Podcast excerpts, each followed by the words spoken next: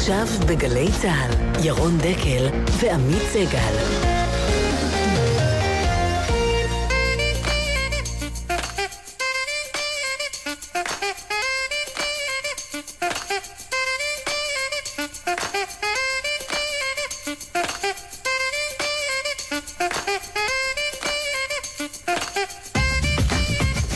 תשע וארבע דקות בגלי צה"ל, בוקר טוב, בוקר נעים, בוקר חמים. בוקר טוב, ירון. מה שלומך? אין תלונות, איך אצלך? אה, עוד 75 יום, אתה יודע, נכון. סופרים כל יום וכל דקה. נכון. ככה זה, כשיש בחירות. יש תחושה קצת אה, של שעמום שנחת עלינו אל בשבועיים תדאג, האחרונים. אה, אל תדאג, זה עוד הכל יהיה מעניין. בסדר, לא, לא, כרגע, אל אבל. כרגע עוד קצת משעמם. נכון, קצת רגיעה. נשתדל שלא יהיה משעמם אה, בתוכנית שלנו. עוד מעט תהיה איתנו יושב ראש כולנו, שר האוצר משה כחלון, שנאבק עם סקרים, לא איי איי איי, נכון? נכון. נשאל אותו על האקס, יואב גלנט. על כמה אקסים? על כמה. אקסים, נכון, על האקס אבי גבאי, על מי שאולי אקס בנימין נתניהו ועוד ועוד. ישראל ממשיכה להעביר כסף קטרי לחמאס. השר יאיר לוין יהיה כאן ונשאל אותו מה הוא היה אומר אם הוא היה באופוזיציה. וחברת הכנסת ציפי לבני מתקשה לעלות מעל אחוז החסימה. נשאל אם אה, תמשיך במרוץ עד הסוף. פרשת אה, אפי נווה הפכה די במהירות לפרשת הטלפון הפרוץ של אפי נווה. אה, האם נעברו, האם נעברו עבירות פליליות במהלך העניין הזה? ומה היו עושים אה, עיתונאים אחרים לו נקלע לידיהם טלפון בלתי פרוץ של דמות בכירה? נשאל שניים, את יעקב אחימאיר, חתן פרס ישראל, ואת אה, טלי בן עובדיה, עורכת עורכת אה, בכירה. עורכת שלוש המהדורות. נכון. אה, בית המשפט, בפסק דין עקרוני ומעניין, שכל אחד צריך לשים לב לשים אליו. לב אליו היטב. שיתוף פוסט בפייסבוק יכול להיחשב לשון הרע, קבע בית המשפט. אבל לייק לא. לייק לא, שיתוף שר כן. אנחנו נדבר עם עורך הדין אה, מיבי מוזר על העניין הזה, וגם עם עוזרו של היועץ המשפטי לממשלה. נבקש גם פרטים על איך תיקי נתניהו. ייתן לנו לדעתך? לדעתי לא. הדלפה קטנה. ממש. וגם אה, ברבע לעשר אה, שיחה בהפתעה, וברבע לאחת עשרה אדם מן היישוב. אישה מן היישוב. אישה מן היישוב, היום אימת העצמאים כן. פושטת מטעם מס ההכנסה, אני האם לא היא בטוח ביקורות שהיא הפתע? תסכים להיות אה, ל- להגדרה פושטת. נכון. היא מנהלת ביקורות של ספרים, אבל... מבקרת ניהול ספרים, זה התפקיד. עבודה מאוד מעניינת. נדבר אה, איתה. 052 921 0021 רק בזמן התוכנית מבקשות המפיקות. 052 לא לשלוח ערה לא, ברבע ל-12 בימי. ראשון עד שלישי אה, לא מקבלים. 052-921-0021. בוואטסאפ. אלה הוואטסאפים, היום עורך אה, ישי אה, הולנדר, גל ויצנר, כפיר זנדברג, יובל בירושלים מוטי נפתלי, זאדה, איתמר גלמן. ואנחנו מתחילים.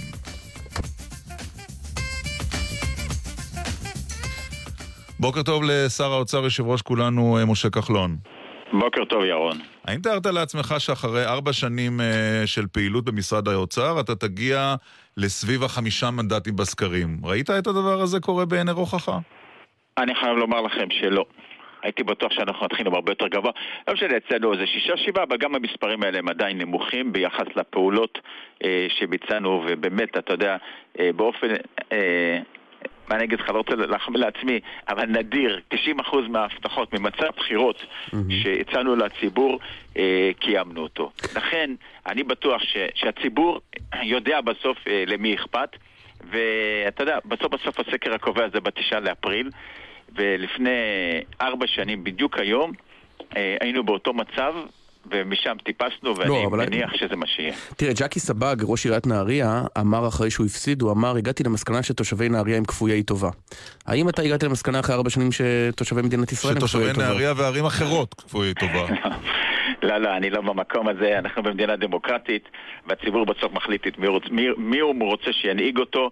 מה שהתפקיד שלנו כרגע פעם אחת זה לעשות, ועשינו מה שאחרים לא עשו, מה שכולם ידעו ולא נגעו בזה, לא במחירי הדיור, לא בשכר מינימום, לא ב- במשפחות צעירות כמה שקשה להם. לא עשו, להם לא היה אכפת, לנו אכפת. תסביר לנו. זה עשינו ב... אז אז תסביר אז- אתה. אז איפה הם ההמונים? לאן נעלמו אז אני- המחצים אז המנדטים? אני- אז אני אשיב. אז ראשית, מה שאני אומר, הציבור יודע מה שעשינו, ועכשיו התפקיד שלנו ב-75 יום האלה, להביא את זה לידיעתו ולחדד את זה, את ההבדל בינינו לבין אחרים, ולשכנע את הציבור אה, להצביע לנו, גם מי שהצביע, והחמישה אה, ששאלת עליהם עמית, החמישה מנדטים או ארבעה שחסרים לנו כרגע, לדעתי הם יחזרו, כי מה שהבטחנו להם קיימנו, אין שום סיבה בעולם שמי שהצ- מי שהצביע לנו עבור משהו מסוים פעם קודמת, אה, יגיד אני לא מצביע פעם כי לא- כי הוא לא קיים את מה שהוא הבטיח. אני רוצה להציע לך, השר כחלון, הסבר אחר. ב-2015 אתה היית המפלגה החדשה, מה שלפיד היה ב-2013, מה שאולי אורלי לוי אבקסיס או בני גנץ, כל אחד אה, לשיטתו, הוא התקווה החדשה של עכשיו, ואתה כבר במשבצת של הישנים, ולכן אתה רואה ירידה במנדטים. מה דעתך על ההסבר הזה?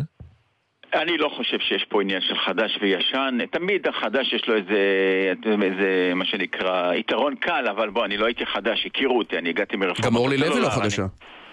אז אני עונה, אז אנחנו מדברים, אותו דבר. Mm-hmm. אני הגעתי אחרי 15 שנים בפעילות, גם בתור שר אה, תקשורת, גם בתור שר רווחה, גם יו"ר מרכז הליכוד. עשיתי הרבה דברים אה, במדינה, הכירו אותי מאוד, אני לא הגעתי על תקן של חדש, ולא אדם שמבטיח ולא מקיים.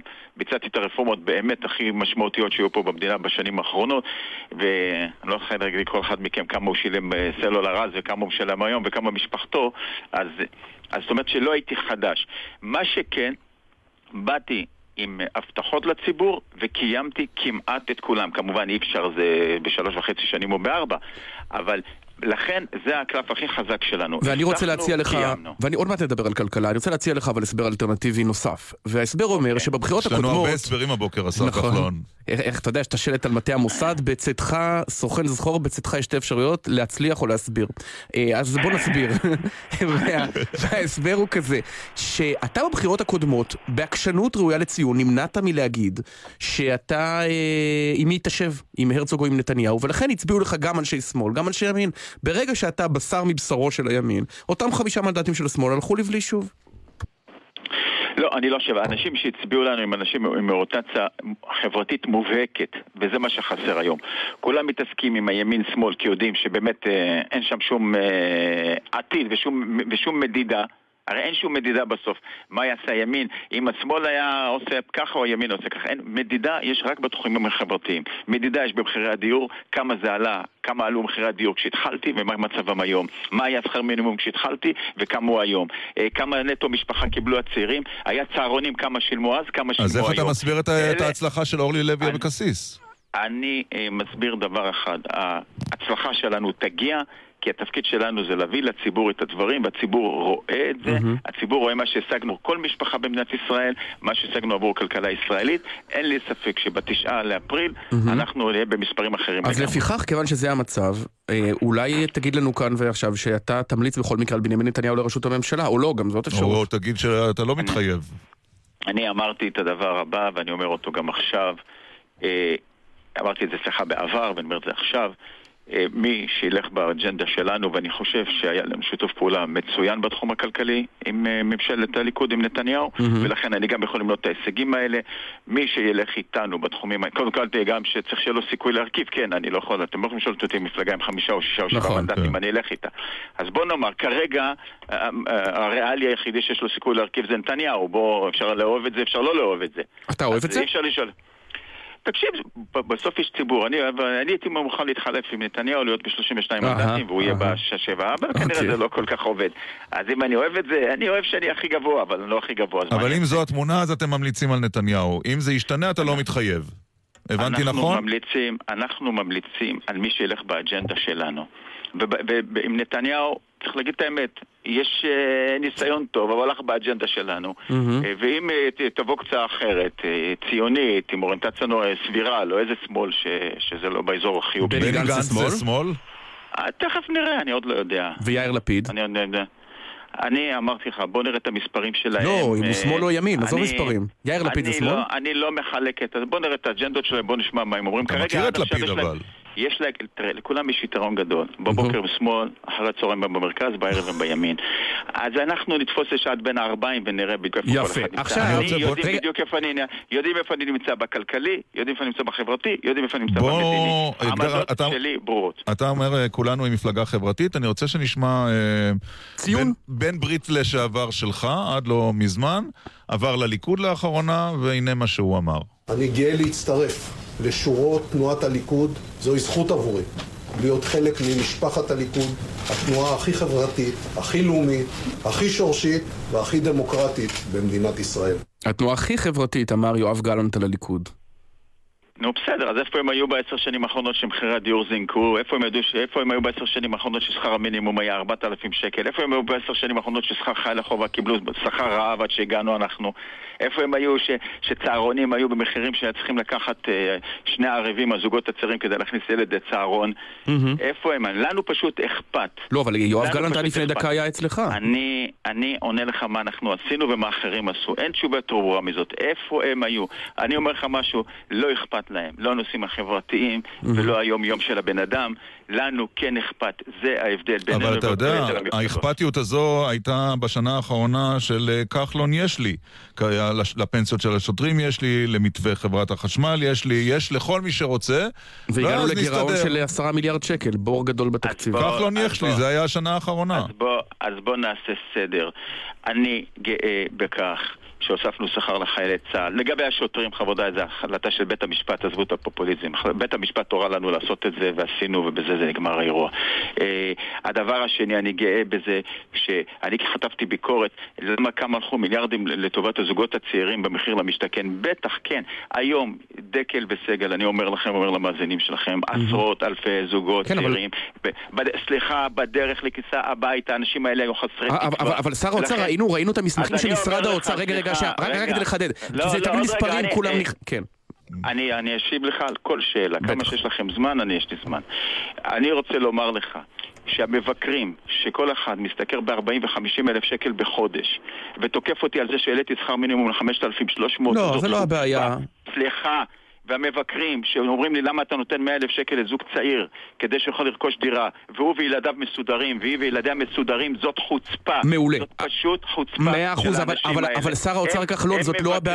זאת לא הטענה. הם מבקרים, הם מבקרים אנשים יושבים מדושני עונג. אני חוטף ביקורת מאיזה מנכ"ל קניון למה אני לא מעלה אבל הבעיה שלנו היא לא אנחנו לא מנכ"לי קניון וגם לא ירון אבל רגע, אה, גם דקל וגם סגל, שנייה כן. בסבלנות. אני חייב להסביר את זה.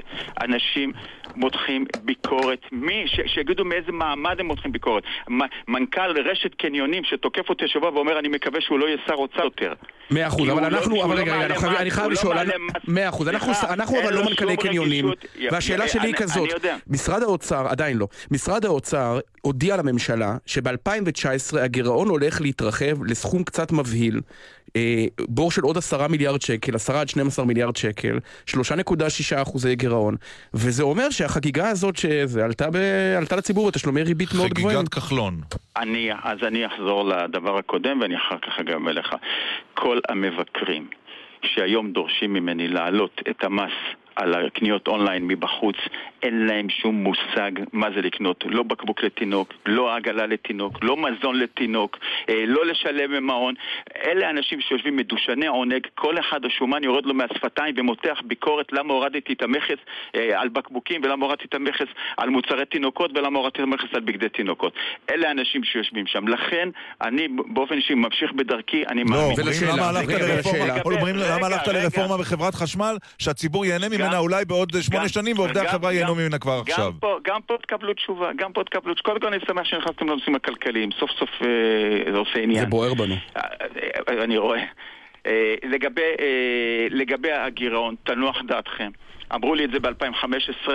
עכשיו יש לכם גוגל ואני יודע שאתה זריז בזה, סגל. כן. תיכנס לגוגל, תראה. נכנס. ב-15 אמרו, יהיה גירעון אדיר. לא היה שום גירעון מעבר ליעד. 16 אמרו, יהיה גירעון אדיר, לא היה שום דבר, היה לך ביעד. 17 אמרו, גירעון אדיר. אבל אתם אומרים את זה, לא אנחנו אומרים, אבל משרד האוצר אומר את זה, לא אני אומר, לא נחמיה שטרסלר. אבל האוצר אמר את זה גם אז, ובנק ישראל אמר את זה גם אז. אז אתה מתנער מהתחזית של משרד האוצר? אני אומר לך שאני לא רואה כרגע, אני לא רואה כרגע. תראה, תחזית זה תחזית. אני חשבתי שהקבוצה שלי, מכבי חיפה, תהיה כבר עם 20 הפרש, אז מה לעשות? גם אתה הייתה לי תחזית, כן, אבל אתה אחראי, אתה לא אחראי בדיוק. רגע, רגע. כשתהיה אחראי על מכבי חיפה נבוא אליך בטענות בעניין מכבי חיפה. לא, אז אני אומר, התחזיות זה בסדר גמור, אין לי שום טענה לתחזית. תפתח רק לפני ארבעה חודשים, כל העיתונאים כתבו אה, אה, שלוש-שש, סיימנו בשתיים תשע. אה, ארבעה חודשים. אני, אין אנשים שלא הצליחו לחזות ארבעה חודשים, אני אסמוך על תחזית שלהם שנה וחצי קדימה? הוא יודע מה יהיה הכנסה באוקטובר-נובמבר. בקיצור, אתה לא סומך על ההערכות של משרד האוצר. אני לא, לא, לא, אני סומך על כולם. אני רק אומר גם אם יש אה, משברים ויש שינויים עולמיים ושינויים גלובליים, ואם חלילה פה איזה סבב מלחמתי, ויהיה חסר כסף, אז יש, אני לוקח על עצמי את האחריות, אני רוצה להיות שר האוצר בקדנציה הבאה, מאוד רוצה, ואני חושב שזה התפקיד היחיד שאני רוצה בקדנציה הבאה, ו- וגם אם זה יהיה, אני מבטיח לבוא ולהתמודד איתו. אבל לבוא היום ולפזר כל מיני קשקושים באוויר, זה פשוט לא רציני. תגיד, אה, השר כחלון, איזה אחוז אתה נותן לחיבור בינך לבין הליכוד בבחירות הקרובות בתשעה באפריל? אה, נמוך מאוד, בין 0 אה, ל-0.0 משהו. אבל לא, עדיין אבל קיים. אבל זה לא 0, עם 0 אה, נקודה לא, משהו. לי שום כוונה לחזור לליכוד. אוקיי, וגם לא למפלגה אחרת? לחבור ללפיד, לא, לחבור לא, לגנץ? לא, כלום. לא, ממש לא. אתה, לא, איך, לא. איך אומרים, אתה החלטת להיות עצמאי ולא שכיר, זה- וזה ממשיך גם עכשיו. אני חושב שעשיתי את זה בפעם הקודמת, ואני אומר לכם, זה הכל דז'ה וו, אותם רעיונות של 75 ימים לפני הבחירות שלפני ארבע שנים, הם חוזרים על עצמם היום, ובעזרת כן. השם, ב-9 לאפריל, אנחנו נחזור למנדטים שלנו ונמשיך לתת שירות לזוגות נזכרתי- הצעירים ולמשפחות. נזכרתי שבבחירות הקודמות אמרת שאתה תטפל בכל נושא שהוא, ובסופו של דבר במתווה הגז משכת את ידיך ואמרת שיש לך ניגוד עניינים. יש עוד משהו שאתה יכול לומר לנו היום שלא תטפל בו בגלל חברות, חברים, ניגוד עניינים בקדנציה הבאה, הוא לא יטפל תאמר את זה באבי גבאי כי הם? חברים. לא תטפל באבי גבאי כי אתם חברים טובים. לא, אני לא מכיר משהו כזה, ואם יהיה, אני אמשיך טוב. לעמוד ולהיצמד לה- להוראות החוק, גם אם זה לא נעים. בוא נדבר פרסונות. שנייה, רגע, אני רוצה-. לשאול פרסונ- פרסונלית. לא, אני רציתי אה. לשאול אם נתניהו הציע לך שריון. אה, לא, נתניהו לא יוצא לא לשריון, אנחנו לא בשיח הזה בכלל. אוקיי, עכשיו בוא נדבר על הרשימה שלך. מספר 2 יואב גלנט עזב אה, בטריקת דלת לליכוד. מספר 3 מייקל אורן הלך הביתה. מספר 4 אלי אלאלוף הולך הביתה. מספר 5 רחל עזריה הולכת הביתה. איפה אתה היית? אה, תראה, אני לא רוצה להיכנס לגופם של אנשים, אבל אני רוצה רק לתת לך רמז. כל השמות שהזכרת, לא, אלי אלאלוף זה היה הסיכום שלו, הוא רצה לבוא לקדנציה אחת. הוא, הוא בכולנו, הוא עדיין בכולנו, הוא משרת, נותן לנו שירות עדיין בלתי הרשימה. נכבדה גם בלעדיו. אה, לא, אז אני אומר, אז אני אומר, כל היתר, אה, לא יודע אם זאת הייתה החלטה שלהם, אבל בואו נשאיר את זה ככה ל- ל- לדמיון של המאזינים. אבל רגע, אוקיי, אבל אתה אדרבה, בחרת אז אתה בהם. בחרת, אז אתה בחרת בהם בקדנציה הקודמת ועכשיו בחרת להיפטר מהם, אז אני שואל, אם אין לך איזה מחשבות, איפה טעית בבחירה של אנשי הרשימה בפעם הקודמת? אה, תראה, רק אה, בורא עולם חף מטעויות. כולנו עושים טעויות, אה, פעם מהצד שלי, פעם מהצד שלהם. הרשימה שלנו היום היא רשימה מעולה, פשוט מעולה. אפשר לבדוק את זה לחברי הכנסת לפי התוצאות שלהם במושבי הכנסת, והשרים כמובן. אה, יפעת היא חדשה, יפעת שאשא ביטון שנכנסה כרגע, אבל אה, גם השתלבה בצורה בלתי רגילה במשרד הבינוי והשיכון. אלי כהן עושה עבודה מדהימה, רועי פולקמן. עושה יופי של עבודה. אבל בכל זאת החלטת לשבץ את העוזרים האישיים שלך. כדי שיהיו אה, לא, נאמנים. לא, אנחנו לא שם. בוא, נו באמת. אה, לא? סתם, אתם ממציאים משהו. אנחנו נגיע לרשימות, אהה. נגיע לרשימות, אה, לפני ה-20 לפברואר, נדבר על כולם, נציג לא. כל אחד את המעלות שלו, ו- ואת ה... רק מעלות יש לאנשים שאנחנו ברור, נציג. אין מגרעות בכלל. כי שר, המגרעות עזבו לליכוד. לא, כי שר האוצר, אה, עשינו אולי... יצוא לליכוד. כי אולי בדיוק, המגרעות. הצאתם את הנגרעות. כי שר האוצר, אה, אולי אה, המסקנה שלך מהקדנציה האחרונה אומרת, תראו, כל הכוכבים האלה, הביטחוניסט, המדינאי, ה- יש האישה המפורסמת בירושלים, זה נחמד. אני בקדנציה הבאה רוצה חיילים ממושמעים, ולכן יהיו אצלי נדב שנברגר העוזר שלי, וליהי גולן העוזרת שלי, ואף אחד אחר עם אבק כוכבות. אני מתחייב בפניכם, סגל דקל, דקל סגל, כשאני אגיע לזה, אתם הראשונים שאני אפרסם להם את הרשימה, ועל כל שם אני אתן אה, לציבור את התפיסה שלי ואת החשיבות אוקיי. ולמה החלטתי לגביו. אני, אני רוצה לדבר איתך טיפ-טיפה על ענייני חוק ומשפט. אתה חבר הוועדה למינוי שופטים. אתה חושד שאולי שופטים מונו בדרך לא כשרה? שקרו אה, דברים, לא, שקרו אני- דברים מאחורי. הקלעים ואתה לא יודע? תראה, אני רוצה לומר לכם, כל הפרשה הזאת היא באמת תחת צו איסור פרסום. בואו נגמור את הסיפור, הכל יתפרסם, הכל ייחשף הרי בסוף, בסוף, בסוף הכל יוצא בחוץ, ואז יהיה אפשר לדבר על הכל. אני כל חיי אה, שמרתי על החוק, שמרתי על רשויות החוק, מאמין בהם, חושב ששלטון החוק הוא חשוב במדינת ישראל, אני חושב שהוכחתי את זה לאורך כל הקדנציות שלי, אה, וככה אני אמשיך לנהוג. זאת האמירה הערכית שאני יכול לומר. אתה המלצת על השופטת שעליה מדובר, לא? לגבי הפרטים של, ה... לגבי הפרטים של החקירה הזאת שמתנהלת כרגע, אני מציע, בוא ניתן לדברים להתפרסם, ואז לא, לא, לא, ולא ו-. והחלטת היועץ המשפטי לממשלה בעניין אה, ראש הממשלה צריכה ליפול לפני הבחירות או אחריהן? אני סומך במאה אחוז על שיקול הדעת של היועץ המשפטי לממשלה. ומה שהוא יחליט, אני באופן אישי אהיה בטוח שזה בא מהמקומות הכי נקיים. אתה יודע, יאיר לפיד אמר השבוע שהוא לא יושב באף ממשלה של אדם שיש נגדו כתב אישום, גם תחת שימוע. אתה אמרת, נדמה לי עד לאחרונה, שלא תשב אה, אחרי השימוע. השתנתה דעתך, או שאתה מתכוון לתת צ'אנס? אני אמרתי שאחרי שימוע הוא לא, לא יצליח לתפקד, נכון. גם ראש הממשלה עצמו לא אמר שהוא יושב אחרי השימוע. Mm-hmm. אחרי שימוע זה מאוד מאוד מסובך, מאוד בעייתי. בן אדם לא יכול להגיע, לשבת בבוקר בבית המשפט, להגן על עצמו ואחרי הצהריים, כן. לנהל מאבק אה, אה, קשה ומה אה, אני אגיד לכם, אז יש... מאוד מאוד בעייתי מול, מול איראן אתה... ומול, אה, ומול uh, מדינות נוספות יפה, אז אתה פוליטיקאי... להשמיד אותנו. אתה באמת פוליטיקאי מאוד מיומן. אני רוצה לשאול אותך, אז במאי הקרוב או ביוני תורכב ממשלה, וכעבור שבעה או שמונה חודשים היא ממילא תתפרק, כי אתה אומר שאין טעם לקיום ממשלה כזאת, ואורלי לוי אומרת את זה, ואחרים. אז, אז קורה פה משהו ממש מוזר. למה להקים ממשלה שבעה חודשים? לא, אבל זה בהנחה שהשימוע ייכשל, שראש הממשלה לא יצליח לשכנע. אתה מזכיר לי את אלה עם התחזיות, אה, סגה. חכה. בוא נראה מה קורה. הגישו כתב אישום, לא הגישו כתב אישום. מה, זה כבר כתב אישום, כבר שימוע, כבר הכרעה. חבר'ה, סבלנות, אתם יש לכם אמנם רק שעתיים לשדר, אבל אי אפשר לגמור את הכל בשעתיים. ראש הממשלה נלחם על העניין הזה כאילו הוא יודע משהו. לא, אני חושב שכל בן אדם רוצה להילחם על חפותו ורוצה להוכיח את צדקתו. מה דעתך על המתקפות על, אה, של מקורבי ראש הממשלה על הפרקליט המדינה, על אה, היועץ המשפטי לממשלה? אני, שמתם לב, הסגנון שלי הוא לא לתקוף אף אחד, הוא לבוא ולשים את הדברים על השולחן ולהציג עמדה ברורה מהצד השני. אני, זה כל אחד והסגנון שלו. מישהו החליט לתקוף, אה, שיתקוף, אני לא, אני לא מייעץ לאף אחד מה לעשות. שר האוצר, משה כחלון, יושב ראש כולנו, תודה רבה לך. תודה לכם. טוב. מעניין, מעניין. כן. בינתיים, אה, קורים דברים מאוד מעניינים בוונצואלה. נכון. ממש. ממש היסטוריה בשידור חי. ואנחנו משוחחים עם אה, ראש הקהילה היהודית בוונצואלה, נמצא בקרקס, אליאס אה, אליהו אה, פרצ'ה. שלום. בוקר טוב. לילה טוב. שלום, בוקר טוב, בוקר אור. לילה טוב, בוקר אור. טוב, מי הנשיא אצלכם עכשיו? נכון לשעה זו. תראה, יש לנו... יש לנו כפול את כל דבר, יש לנו שני כנסת, יש לנו שני בית משפט עליון, יש לנו שני נשיאים ונקווים שלא יהיו לנו שני צבא. ואתה בעד מן הסתם אה, ראש האופוזיציה, נכון? אני, אני לא בעד אף אחד, אני, הבעיה אה, שלנו זה שיש שני צדדים מאוד חזקים שלא מכירים אחד את השני וכרגע יש לנו כפול אוטוריטה ועובדה שיש בלאגן במדינה. והיית בלילה באיזושהי הפגנה, אליאס? אה, בלילה לא היו הפגנות כל כך, היו הפגנות במשך כל היום וזה היה הפגנה מתוכנן היא 23 לינואר, זה תאריך מאוד חשובה בוונצואלה, לפני 60 שנה, בתאריך כזאת אה, נגמר השלטון של הדיקטטור האחרון של וונצואלה, פרס אימנס, ומאז שנה חוגגים את זה.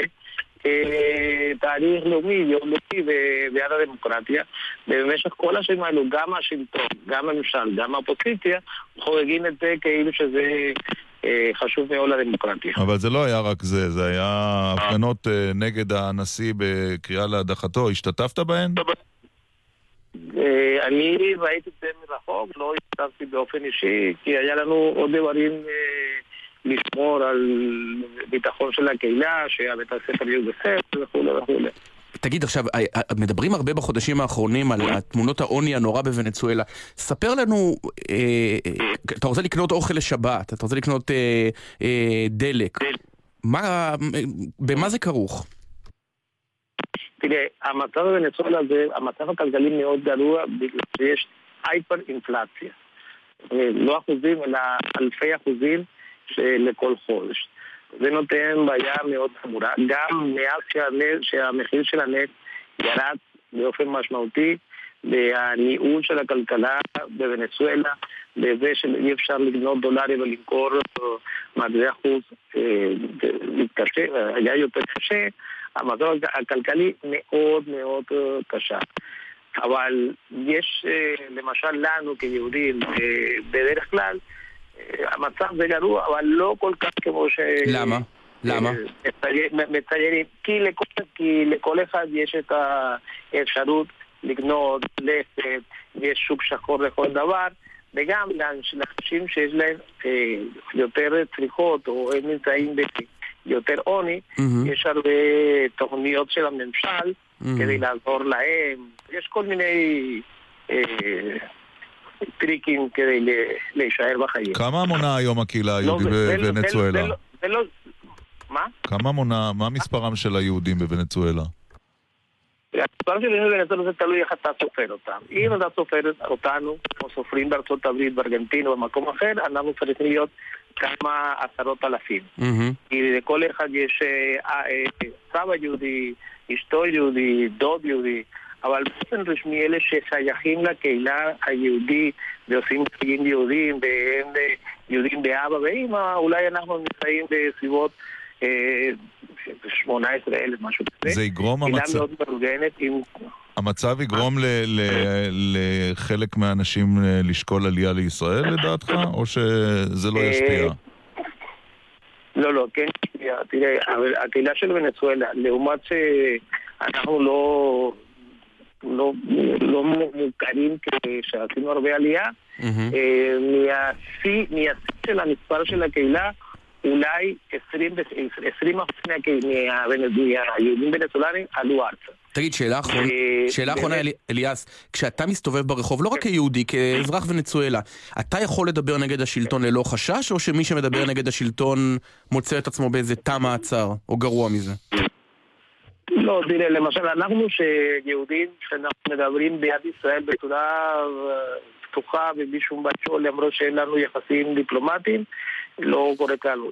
יש בעיות באלה שהם מאוד מיליטנטים או אנשי קיצונים, יש בעיה, ואנחנו נמצא במקום איפה שהמתח היא גבוהה מאוד, ואחד, הצדדים רוצים, אחד כאילו לערוב ולגמור עם השני. אז זה מאוד בעייתי, בטח שיש מתח כזאת, לא... לא הייתי ממליץ לאף אחד ללכת לרחוב ולהגיד דברים ככה, אבל יש, אה, יש סגר בתקשורת, אבל יש הרבה חופש להגיד מה שאתה רוצה.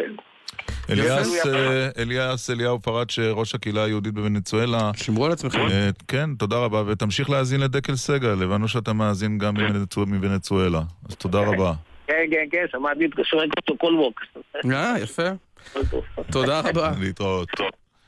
חבל שלא שלח לוואטסאפ משהו. נכון, אתה לא רוצה קצת תגובות? כן, האמת היא שכן, על כחלון היו... כן, הרבה תגובות על אה, כחלון. בוא נעבור על ה... אה, כחלון פשוט לא מסוגל להתמודד עם ביקורת על הבזבזנות שלו, כותב עומר, כל מי שמבקר אותו הוא עם שומן על שפתיים ומדושן עונג שיתמודד עם ביקורת.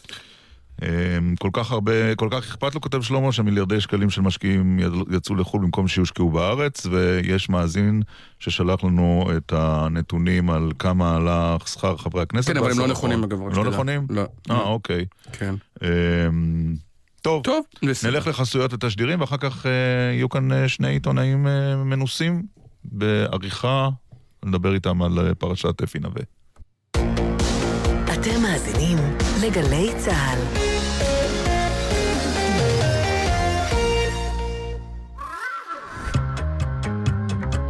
דקה ישראלית. השבוע לומדים חקלאות. והפעם, בית חנה. אם תלכו ברחובות צפון תל אביב, המחשבה שתיתקלו בשדות מעובדים ובקרקור תרנגולות בלוליהן, תראה אולי תלושה מהמציאות. אולם זו הייתה המציאות היומיומית של הפועלות במשק צפון, הידוע בשמו בית חנה. ב-1926 יסדה חנה צ'יזיק, חלוצה ואגרונומית, את משק הפועלות צפון, במקום שבו שוכנים כיום שדרות בן גוריון והרחובות ארלוזורוב, אדם הכהן ומצדה. במשק, שמימנה ההסתדרות הכללית, לימדה צ'יזיק את הנערות, רובן עולות חדשות וחברות קיבוצים, מיומנויות שונות בענפי הירקות ומשקי החי, על מנת לאפשר להן להשתלב בעבודה החקלאית, ביישוב העברי, ולהשוות את מעמדן לזה של הגברים. משק הפועלות פעל עד אמצע המאה הקודמת, ותושבי תל אביב נהרו אליו כדי לרכוש תוצרת חקלאית ולטייל בין השדות המטופחים. במרוצת השנים עבר המשק שינויים רבים, מצריפים לבניין באו-האוס וממשק פועלות לבית ספר חקלאי לנוער בסיכון, ששימש גם כמפעל לייצור נשק של ההגנה. כאשר הלכה לעולמה צ'יזיק בשנת 51, נקרא הבניין על שמה. כיום, השתמר מהמתחם בניין האבן המרכזי של משק הפועלות, בית חנה בשדרות בן גוריון. זו הייתה דקה ישראלית על לומדים חקלאות ובית חנה.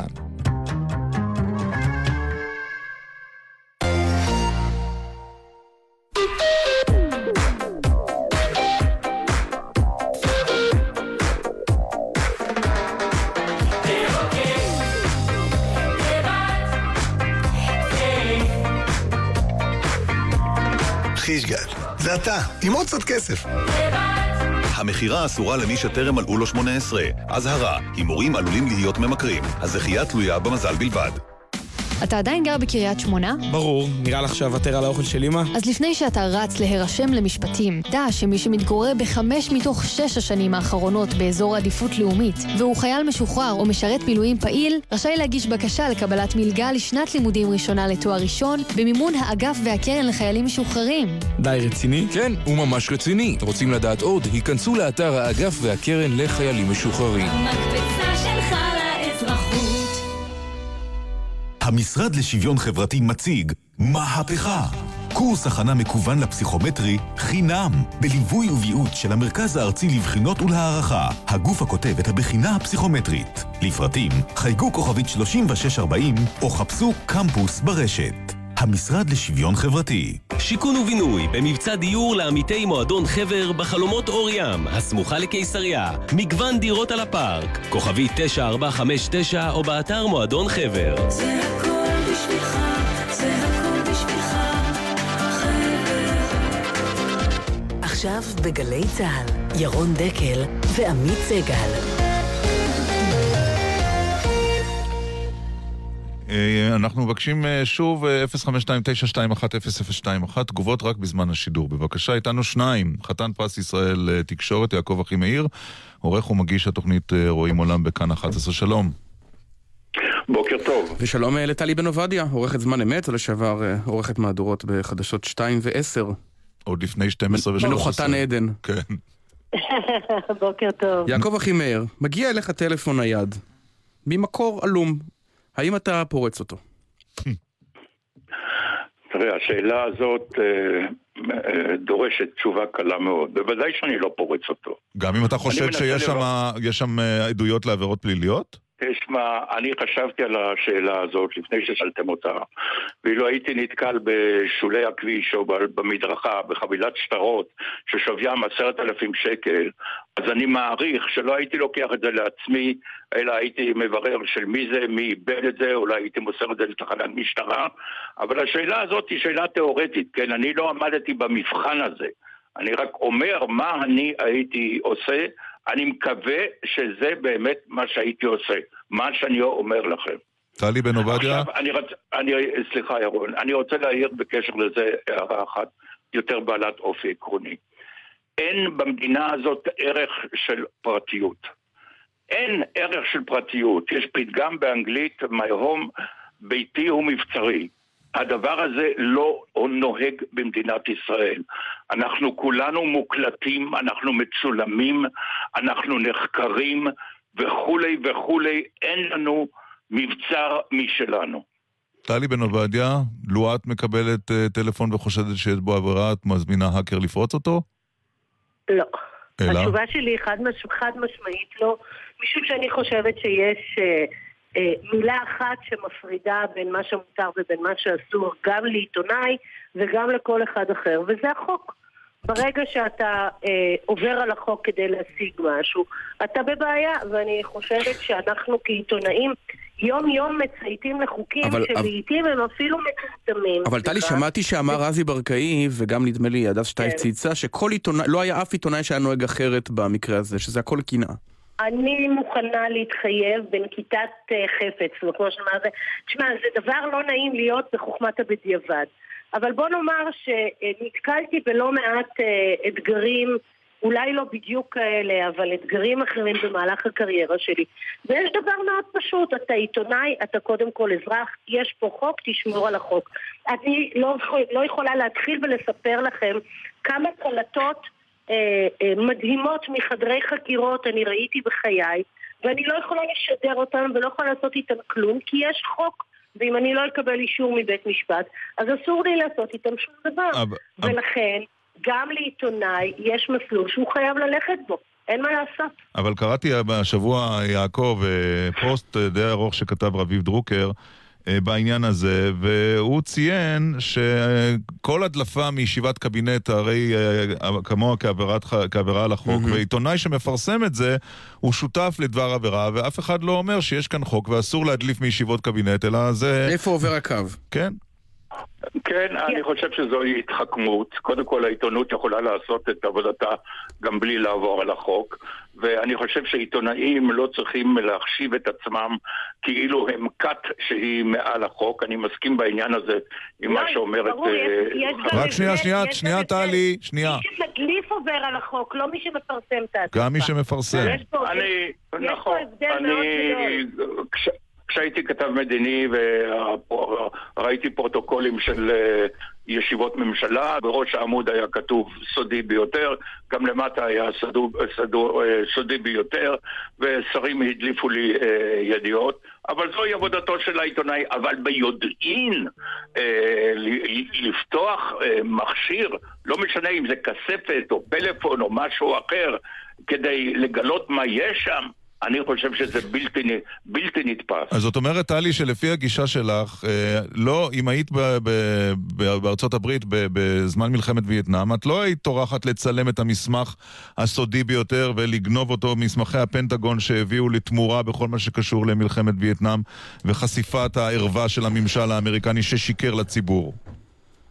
תשמע, זה, זה, זה, זה הדבר הכי פשוט לעשות, זה, זה לשאול את השאלות האלה. אני שאלתי את עצמי אתמול, אחרי שביקשתם שאני אתראיין, כן. אם מישהו היה מביא לי טלפון והיה אומר לי שבתוך הטלפון הזה נמצאת המזימה של יגאל עמיר לרצוח את ראש הממשלה. מה את עושה? זה ברור לגמרי שיש מקומות ונקודות שבהם אתה שואל את עצמך שאלות ואתה...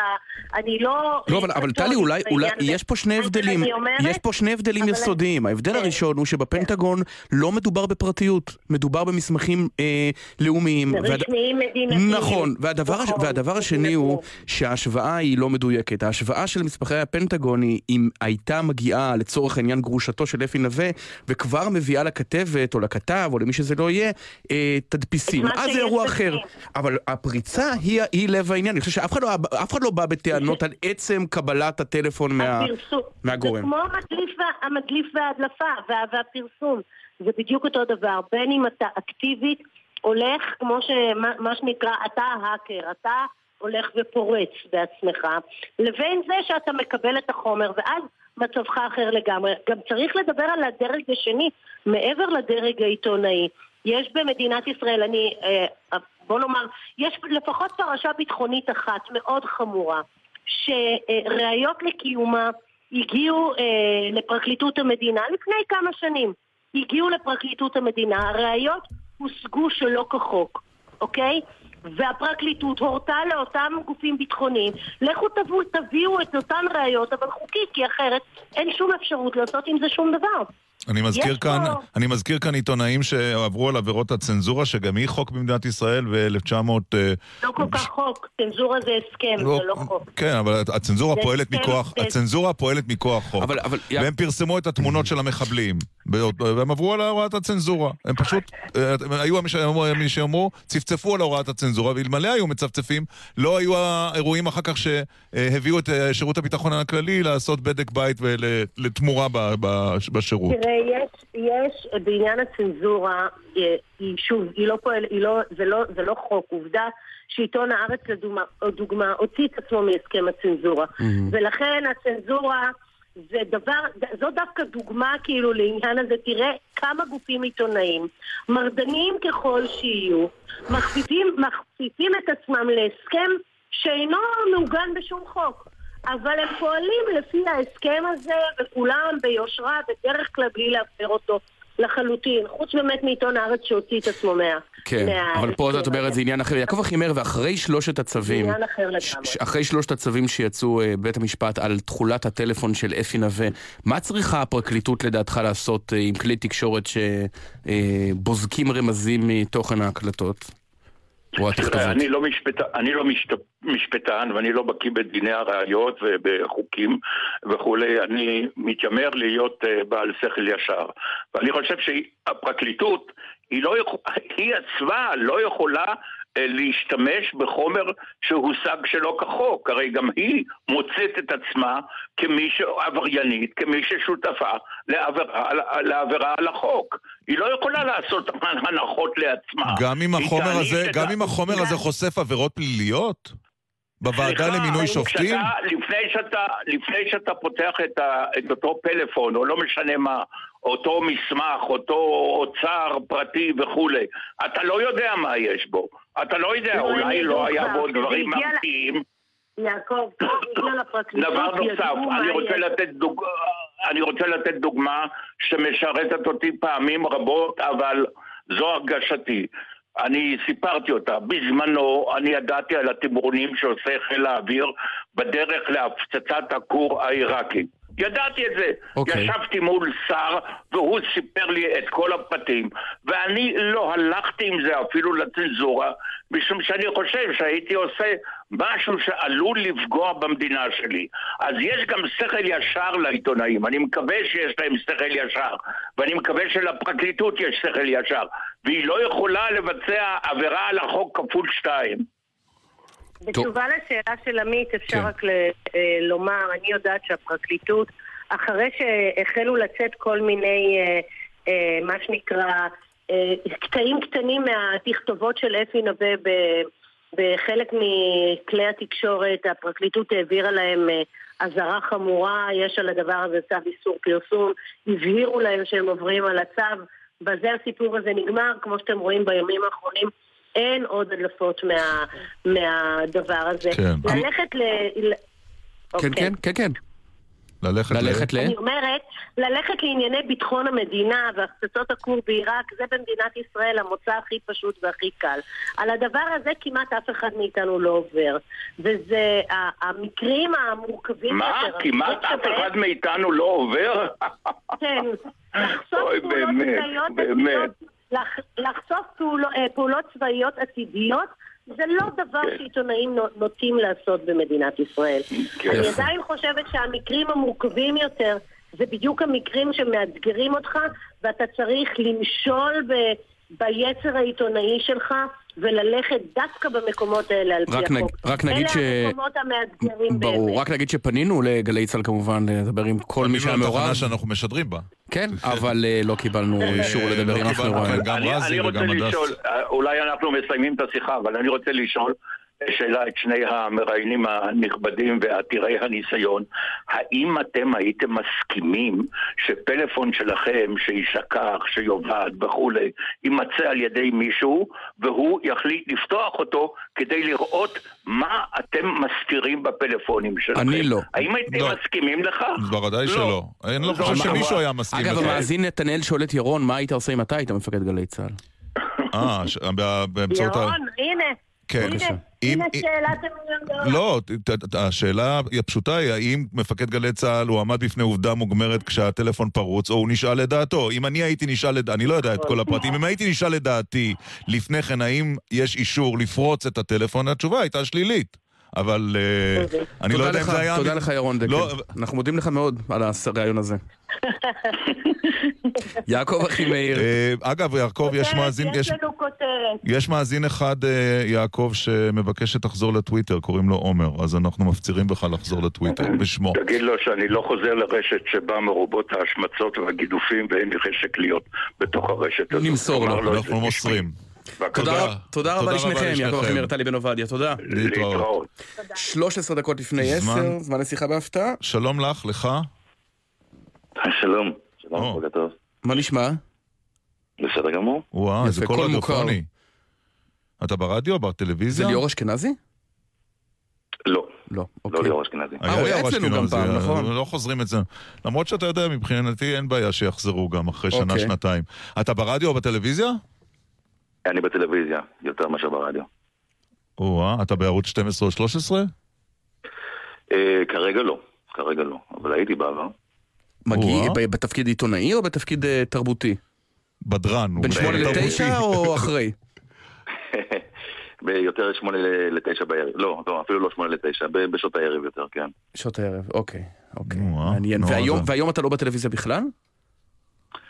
אה, אני מניח שאפשר לראות דברים שלי בטלוויזיה, כן. אה, בשידור בעידן חוזר. כן, כן. אוי, זה ממש מוכר. רגע, אתה עושה פרסומות גם? אה, לא, לא ממש. אני עושה אולי קריינות בפרסומות. לא דביר בנדק? לא, אני לא דביר בנדק. לא נורא, גם אנחנו- גם אנחנו לא. גם אנחנו לא, זה בסדר. יש גם כאלה שלא. זה- כן. נכון, יש כאלה שלא עושים. עשית פעם פרסומת, עמית? לא. לא, עדיין לא. לא. אמ, אה, רגע, רגע, רגע, רגע. אמ, אני חושב שאני יודע. אמ, וואי, זה ממש... אתה שחקן בסדרה, נכון? אני שחקן. יפה, אבל שיחקת גם בסדרות, נכון? שיחקתי בסדרות, כן. יופי. אה, וואי, זהו, אני על השעון. אה, היית בסרוגים לדעתי. נכון. אה, שיחקת את המורה הגרוש, נכון? לא. לא, אוקיי. אוי. נו. לא, אבל זה מעניין. אבל קרוב, אוקיי. וואו. אה, אמ, אוהד קנולר. נכון. אה? אה, מה נשמע? טוב. חשב- חשבתי שאתה מישהו. אחר. אה, זה ממש בלי להתכוון. מה שלומך? אתה בירוחם עכשיו? לא, כבר, אתה כבר לא בירוחם בדימונה. הייתי בדימונה, שש שנים בדימונה, אבל לא, אני נכון. בתל אביב. מה אתה עושה היום? אני שחקן, גם היום. גם היום אני שחקן. באיזה תיאטרון? אני לא משחק בתיאטרון רפרטוארי, אה, אני משחק בתיאטרון תמונה עכשיו בשתי הצגות. אה, כן? אחת מהן נקראת, אה, כן, אחת מהן נקראת צעצועים, השנייה המתנחל, ובמקרה יש לי את שתי הצגות האלה שבוע הבא. אם אתם רוצים לבוא. הצעצועים בשמחה. זה ביום שני, והמתנחל ביום מה- שני. מה זה המתנחל? ספר לנו. המתנחל זה לא על מתנחל אה, במובן הפוליטי של המילה, אלא על בן אדם שנכנס לדירה של חברים שלו ומתנחל בה. אה, אוקיי. ואז מסתבר שאתם לא כל כך חברים שלו תוך כדי, ו... כי השם, אה, השם הוא עם קונוטציות פוליטיות. כן, בכוונה, בטוח. ברור. אבל גם השם של המתנחלים בקונוטציה הפוליטית נכון. יש לו קונוטציות חברתיות. נכון, זה גם כן. נכון, הם התחילו, אתה אומר. אה, אז תגיד, אה, כשאתה לא בטלוויזיה, נניח עוברת, אה, עוברות שנתיים שאתה לא בטלוויזיה, אתה מרגיש שפחות מזהים אותך ברחוב, או שיש איזשהו שלב שהגעת, שכבר נכנסת שם, ל- אתה יודע, לאנשים האלה שכולם מכירים? אה, אני, אני, אני לא כל כך, אני, כן, אני יותר מרגיש שמזהים, לא תמיד יודעים מאיפה. זאת אומרת, הרבה פעמים אנשים חושבים שהם מזהים אותי כי הם מכירים אותי מאיזשהו, מאיזשהו איפה היית בחיים. בצבא? איפה זה? כן, אנחנו מכירים אותך. איפה שירתת, וזה, ואני זורק תמיד, אני אני משתדל לא להגיד ישר. Mm. מעניין אותי כזה הדבר הזה.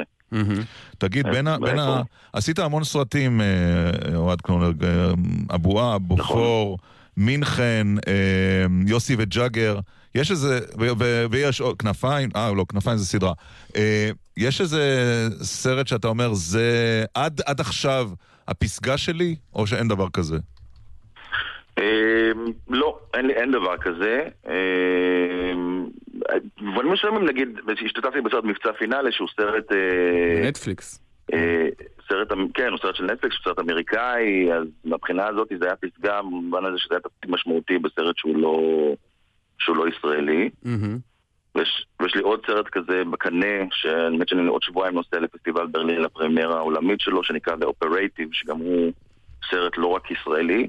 הוא אמנם הבמאי זה יובל אדלר, אבל זה לא סרט רק ישראלי. ואתה משחק באנגלית? שם אמרתי פרימן וזה... אה, אפשר להגיד שאני משחק באנגלית למרות שהדמות שלי שמה בסרט הזה היא לא, היא לא עם הרבה טקסט, אבל באופריישן פינאלי, במבצע פינאלי זה היה, כן, זה היה באנגלית. ואז מה, אתה. צריך לעבוד על אה, המבטא, או... אה, תלוי. מה שיחקת שם במבצע פינאלי? בסרטים האלה אני משחק ישראלי, במבצע פינאלי אני משחק סוכן מוסד ישראלי, וגם בסרט, גם ב-The Operative אני משחק אה. סוכן מוסד ישראלי, אז לא צריך לעבוד על מבטא. בסרט אחר שלפני עשר שנים שיחקתי אה, פסיכולוג צבאי אמריקאי, והייתי צריך לעשות מבטא אמריקאי. אז כן. ועדיין מזהים אותך כנתי מסרוגים? חלק מזהים אותי כנתי מסרוגים. למרות שעברו כמה שנים בדרך כלל מאז? מזהים אותי כיוסי עשר. עשר. אה, כן, עשר. עשר. תיאטרון או סרט? מה מהנה יותר? אמ, זה התפקיד מה שמעניין יותר בדרך כלל, זה לא כל כך משנה באיזה מדיה זה קורה. לא, כי בתיאטרון אתה עושה את זה שוב ושוב ושוב, ובסרט אתה עושה את הסצנה פעם, פעמיים, או כמה פעמים שמצלמים אותה. שתי, שתי, לשתי החוויות האלה יש אה, יתרונות וחסרונות, ובסרט אפשר לדייק רגע הרבה יותר, בגלל שאתה יכול לחזור אליו שוב ושוב, ובתיאטרון אתה חווה חוויה של לעבור תהליך שלם על הבמה בזמן נתון, זו חוויה מאוד אה, חזקה גם. לפני ארבע שנים ביצעת עבירה חמורה מאוד, לדעתי על סף הפלילית, ודיברת בעד השרה מירי רגב. ו... ואז הותקפת קשות, ו... לא סלחו לך על לא כך, סלחו בטח, לך, אני ואמרת, בטוח. אה, אני מצטט, כשנאמרות דעות שפוגעות בבטן הרכה של השמאל, אתה רואה שהדיבור על חופש ביטוי מלא אינו הנר לרגליהם. עדיין חושב ככה? כן, טוב. נו. אבל זה לא שזה השמאל אה, אה, פחות טוב מהימין בקטע הזה. פשוט אה, אני חושב שכולנו, כשפוגעים לנו בבטן הרכה, אנחנו פתאום מגלים צדדים יותר, אה, יותר קשים בעצמנו. אבל כן, בהחלט, מה, לשמאל אין את הפרות הקדשות שלו? יש לו, לא חסר. לא, אבל, אבל השאלה אם כאילו הרגשת שנמנעת ממך עבודה, או שאנחנו כבר מזמן לא בימים האלה? אה, אתה אף פעם לא יכול לדעת. אה, לא, לא הרגשתי, אבל אני, אני עצמאי. אה, אז אתה אף פעם לא יכול לדעת מה הסיבה שבגללה אנשים לא לוקחים אותך לעבוד או כן לוקחים אותך לעבוד, אבל אה, אני, אתה יודע, אין לי שום... אני לא, לא יכול להגיד דבר כזה. והשיח היה תמיד אה, מתלהם וקיצוני, או שגם היו כאלה ששוחחו איתך בנחת אה, וביישוב דעת? הרבה מאוד אנשים, תראה, הרבה מאוד אנשים משוחחים בנחת וביישוב דעת. בסופו של דבר, מה, ש, מה שגורם לדעתי לעליית, לעליית אש או, או זה, זה בדרך כלל שדברים יוצאים לתקשורת ואז מגיבים בתקשורת. זאת אומרת, כשאנשים מגיעים לשיחה פנים מול פנים ובאמת יש זמן לפרוס טיעונים, אז פחות מתלהמים, כשזה בטוויטר, בפייסבוק או בתקשורת ממש, זה בדרך כלל מתלהם יותר. תגיד, כשאתה שחקן, אה, אתה צריך להיות גם אה, נפש אה, של אומן וגם להיות מאוד מאוד מסודר כדי לא להגיע בעוני של ממש לפנסיה. איך, אה, כן. איך, איך אה, מנהלים את זה? הרי יכולות להיות שנים רזות במקצוע הזה. נכון, אה, כן, צריך אה, קרן פנסיה וצריך קרן השתלמות וצריך אה, כמו כל לחשוב עצמאי. שיש כסף להשקיע אותו באיזשהו מקום, כמו כל עצמאי בדיוק. תגיד, לפני שניפרד, אתה משחק בצעצועים, הזכרת את אה, ראש הממשלה, נכון? נכון, אני משחק מישהו שחושב שהוא ראש הממשלה. אבל זה, אתה, אתה, מח- אתה, אתה נכנס לנעליים של דמות מסוימת? כשלמדת את התפקיד, הסתכלת על ראשי ממשלה, קרי בנימין אה, נתניהו בעשור האחרון, או בכלל? לא, לא, אני ממש- לא עושה את ביבי נתניהו, אבל אני הסתכלתי על פוליטיקאים באופן כללי.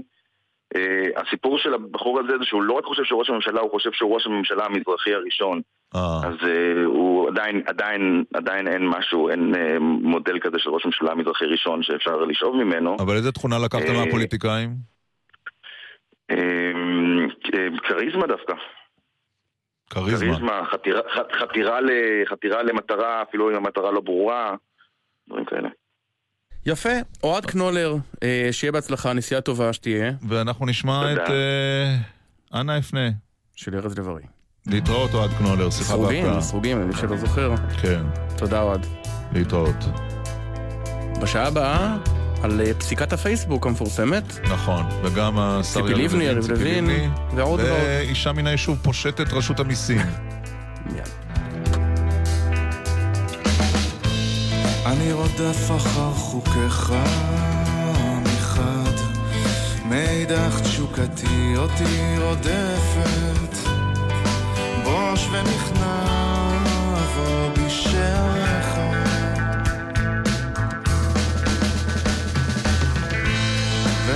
והלילות הארוכים, והבדידות והשנים, והלב הזה שלא ידע מרגוע.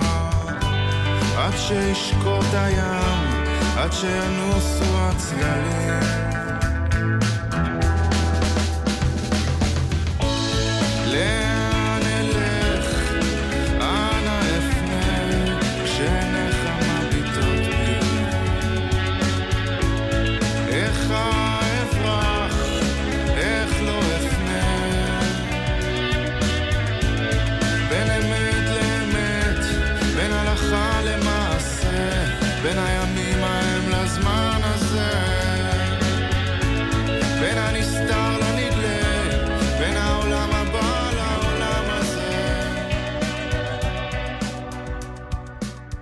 בחסות אשדר, המזמינה אתכם לימי מכירות במגוון פרויקטים ומציעה לכם לבוא ולהתרשם מדירה לדוגמה בכל פרויקט. לפרטים חייגו כוכבי 9109.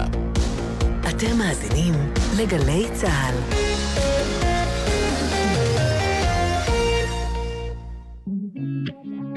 אוניברסיטת אריאל, תואר שני עם חשיבה יצירתית. אתם מוזמנים לגלות איך אפשר לשלב פעילות מחקרית עם חשיבה יצירתית ביום הפתוח של אוניברסיטת אריאל, יום שישי, 25 בינואר בשעה 9. לפרטים ולהרשמה חייגו 1-800-660-660. אוניברסיטת אריאל בשומרון,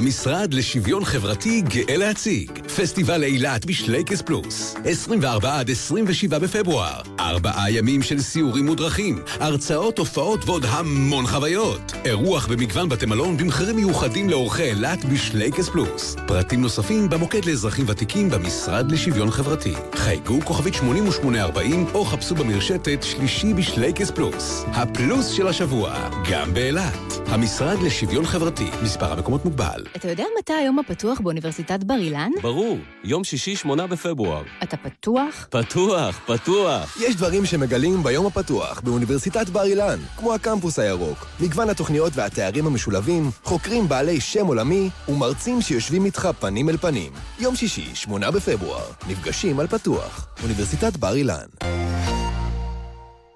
אוהבים הופעות? אוהבים חיות? בואו לג'ם של קוטנר לשמוע הופעות חיות. אתם מוזמנים להצטרף אליי ולשמוע את מיטב האומנים. זה השבוע, The Paz Band ואלקטריק זו. הערב, בשבע, בגלי צה"ל, ובכל זמן שתרצו, באתר וביישומון.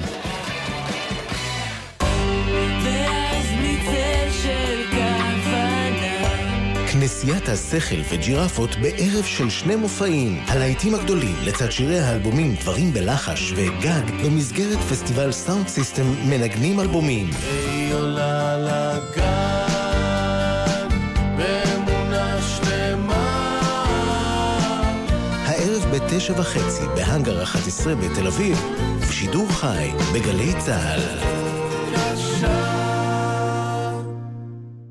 מיד אחרי החדשות, ירון דקל ועמית סגל.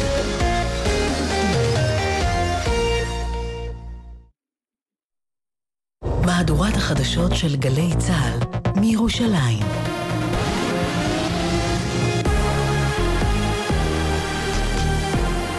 גלי צה"ל מירושלים, השעה 10, בוקר טוב, כאן רני אבנאי עם מה שקורה עכשיו. כתב אישום בגין הריגתה של עיישה ערבי הוגש נגד נער בן 16 ממטה בנימין. מעצרו הוארך עד תום ההליכים נגדו. כתבנו יאיר אורבייטו. על פי כתב האישום, בליל האירוע יידה הנאשם סלע במשקל שני קילוגרמים כדי לפגוע בנושא רכב ממוצא ערבי וזאת מתוך גזענות עוינת. בן ה-16 מאזור מטה בנימין מואשם בהריגה יידוי של אבן לעבר כלי תחבורה והחבלה במזיד ברכב בנסיבות מעשה טרור. לאחר שהקפיא את העברת הכספים לחמאס, ראש הממשלה נתניהו כינס אמש את שרי הקבינט המדיני-ביטחוני שאישרו הזרמה של 15 מיליון דולר מקטאר לרצועת עזה עוד ביממה הקרובה. זאת בהמלצת גורמי הביטחון שהשתתפו בישיבת הקבינט. חבר הקבינט, השר יואב גלנט, אמר הבוקר לעידן קבלר כי עדיפה דחיית הזרמת המזומנים מפתיחה במבצע נוסף ברצועה. תהיה מערכה נוספת בעזה. אנחנו נקבע את העיתוי, וכל עוד יש אפשרות לשמור על שקט, אנחנו מעדיפים את אפשרות השקט. עדיף לעצור לפרק זמן מסוים העברת כסף, מאשר לעבור להליך מלחמתי. ערנות של אב הובילה לתפיסת חשוד בפדופיליה ברשת. כתבתנו ליה ספילקין. תושב תל אביב בן 46 חשב שהוא מתכתב עם ילדה בת 13, שלח לה תמונות בעלות אופי מיני ואף ניסה להיפגש איתה על מנת לבצע בה את זממו. בפועל, אביה של הילדה הוא זה שהתכתב איתו ודיווח על השיחות למשטרה. בית משפט השלום בעיר שחרר אתמול את החשוד למעצר בית בתנאים מגבילים.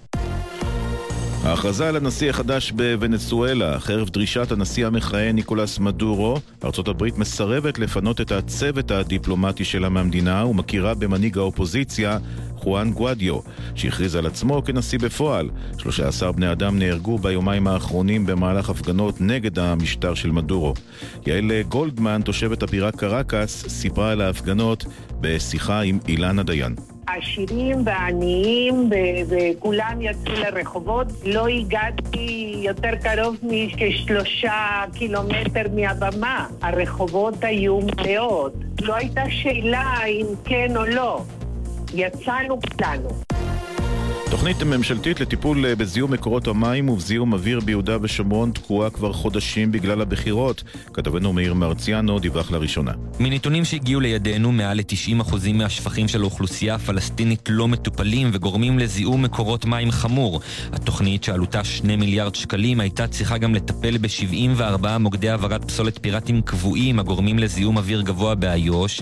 גורמים בכירים בצה"ל חשפו בפנינו כי מדינות זרות, ביניהם יפן, ארצות הברית, גרמניה וצרפת, מעבירות תקציב של מיליונים לרשות הפלסטינית לקידום מיזמים בנושאי שיקום סביבה. ומהמשרד להגנת הסביבה נמסר בתגובה, המשרד סבור כי אין קשר בין העברת החלטת ממשלה זו לבין הבחירות הצפויות, משום שמדובר בצעד חשוב למיגור תופעה המפריעה לציבור. לכן המשרד עושה כל שביכולתו כדי לפתור את המחלוקות שעוד נותרו לשון התגובה. ועכשיו לתחזית מזג האוויר להיום עם נירה חמים, חזאי גלי צה"ל. מזג האוויר היום יהיה מעונן חלקית ותחול התחממות ניכרת. במהלך היום תורגש התחזקות בעוצמת הרוחות ואובר חסרור בעיקר בדרום. הטמפרטורות להיום במישור החוף עד 23 מעלות, בירושלים 18, בבאר שבע 21 ובאילת עד 25 מעלות. מחר ובשבת מזג האוויר יעשה נאה עם טמפרטורות נוחות. החדשות שעורכת ענבל אלבז.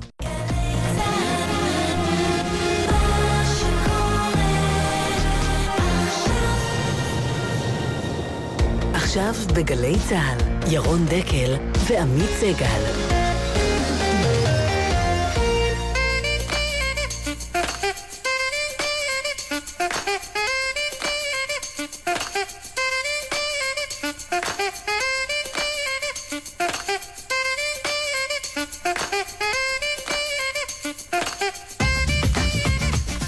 עשר וארבע דקות, השעה השנייה של דקל סגל. עוד מעט תהיה איתנו בפינתנו לקראת הבחירות אה, טל ברודי.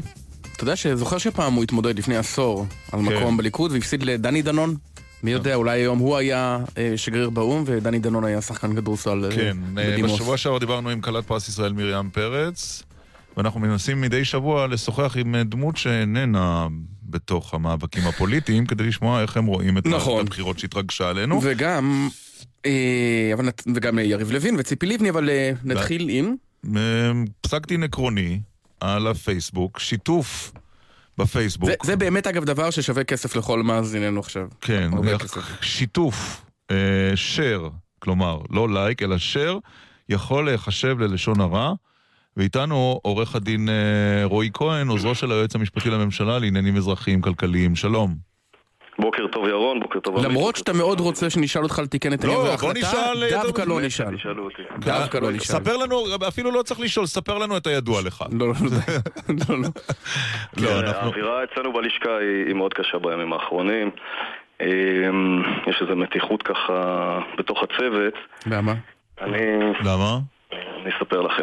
אני אוהד של קבוצת הכדורגל של מכבי חיפה, ולפני יומיים מצאתי את עצמי בדרך לסכנין, שלוש שעות נסיעה מסלאח א-דין בירושלים. אה, עמדת בית המשפט עוסקת בחיבוב ובשיתוף, היא לא עוסקת בניכוס, בחטא, לא בכף.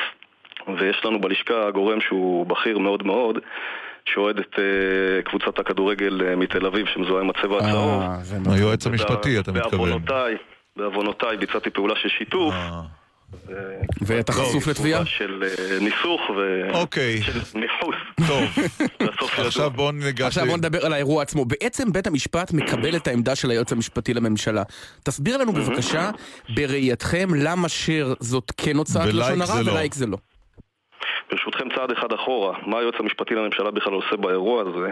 זה חשוב שנבין, בעצם יש פה... יש לו יודע, פשוט פנאי, אז הוא עוסק. בעניינים נוספים, זה הכל. יש לו פנאי, נכון, זה ו- הכל. ותתפלאו לשמוע שהוא עשה את זה לפחות חמש פעמים בשבוע האחרון, בשבוע שלפני כן הוא עשה את זה תשע פעמים. היועץ המשפטי לממשלה, מכוח אה, פקודת ההתייצבויות שמקורה בשנת 1934, מתייצב כעניין שבשגרה להליכים אזרחיים בין צדדים פרטיים. במקרה הזה בין אה, מו"ל של מקומונים מאזור אה, גבעתיים רמת גן לשני אזרחים, אנשים פרטיים, תביעה רגילה של לשון הרע ובכל זאת העניין מגיע לפתחו של היועץ המשפטי לממשלה שמבין שיש פה עניין ציבורי שכנראה שישפיע על אה, רבים וטובים נוספים אה, בקרב אזרחי מדינת ישראל. עושה שימוש בסמכות הנתונה לו בחודש יוני אה, ופשוט מתייצב לתוך ההליך הזה.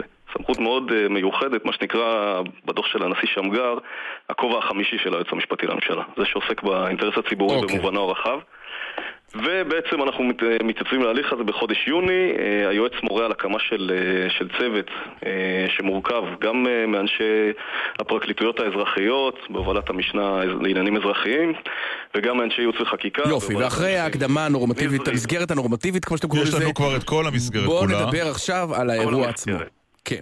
אשר מול הלייק, מדוע זה כן לשון הרע וזה לא?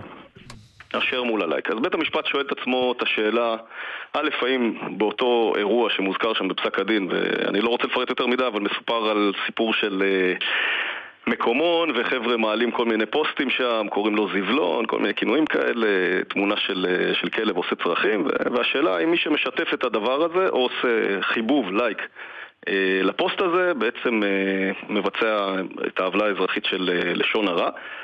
ובית המשפט אומר קודם כל, האם, במעש, האם המעשה עצמו עולה כדי לשון הרע, ושואל את השאלה השנייה, האם החיבוב או הלייק יחשבו כפרסום. כמובן שהצדדים עצמם אה, נחלקים כל אחד אה, בעמדתו הוא, זה חושב שהוא בסדר גמור, זה חושב שהוא לא. והיועץ המשפטי לממשלה, בעמדה שהוא מגיש באמצעות אה, עורכת הדין בר דוד מנע, מפרקליטות מחוז תל אביב, הולך בדרך ביניים. אומר היועץ המשפטי לממשלה, אנחנו צריכים, בהנחה שאכן יש לשון הרע ובית המשפט אומר שיש כאן לשון הרע, צריכים להבחן בין שתי הפעולות, זה חיבוב, זה שיתוף. הפעולה של החיבוב היא אומנם פרסום חוזר של אותו פוסט. נכון, כי אה, ברגע, רק צריך להסביר. כשאני כשאני עושה לייק, אז בעצם כל העוקבים שלי רואים שעשיתי לייק, ובעצם. אני הבאתי לפרסום לשון הרע בתפוצה רחבה יותר. אבל, אבל, ואמרת, לא, אז זה בדיוק הנקודה. התפוצה היא לא רחבה יותר, תכף אני, אני שם כוכבית קטנה על האלגוריתם של פייסבוק, אבל כשאני עושה לייק, מי שרואה את זה, את הלייק הזה, זה בעצם אותם אנשים שכבר נחשפו לאותו תוכן פוגעני, בעמוד של אותו אדם שפרסם את הפוסט הזה. זאת אומרת, עכשיו אה, שאתה עכשיו מעלה אוקיי. פוסט, אני שמתי לך לייק, Mm. אתה רואה, ומי שראה את מה שאתה כבר פרסמת, ראה את הלייק. אוקיי. להבדיל בשיתוף...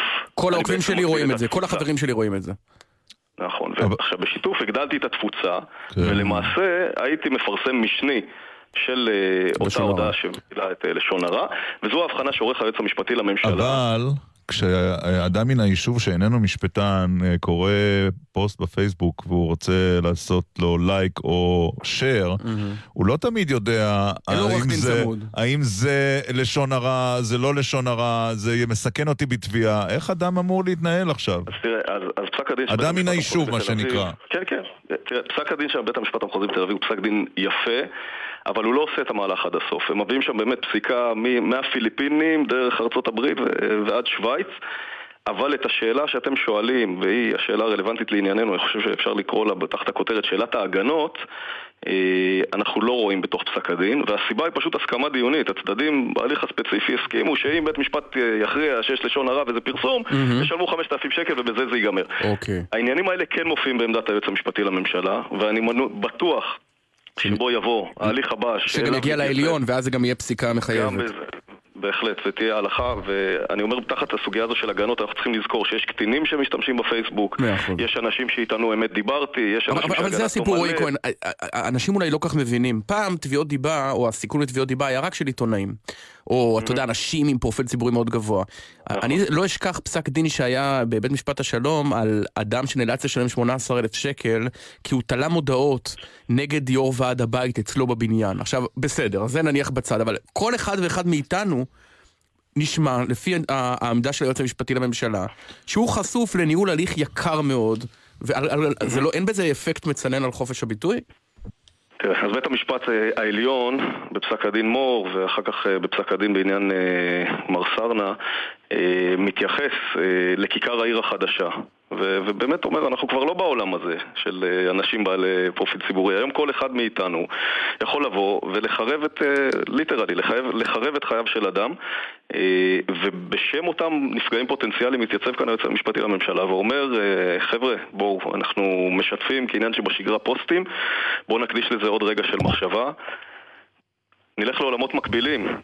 אנחנו פועלים, ב, אנחנו פועלים באימייל כולנו. נכון. בואו נבחין בין מצב שאני עושה reply, או reply all למישהו ששלח לי איזשהו תוכן, אה. לבין לעשות forward עכשיו ולהוציא את זה החוצה. תחשוב שנייה אחת, כן. אם אתה עושה reply all או שאתה עושה forward. אתה חי בוואטסאפ, תחשוב שנייה אחת לפני שבקבוצה... אגב, זה נכון גם לוואטסאפ? זה מעניין, לכאורה כן, כי אני... אז הנה, אני אומר, אז ההבחנה היא באמת שנגענו בה בעמדה, אבל בית המשפט לא שאל אותנו ולא התייחס לזה בסופו של דבר. אני בוואטסאפ, בקבוצת אה, חברים מהטירונות ב-202, קורא תוכן, יכול להיות פוגעני, ועושה לחבר שלי סימן אה, שמח עצוב, זה דבר אחד.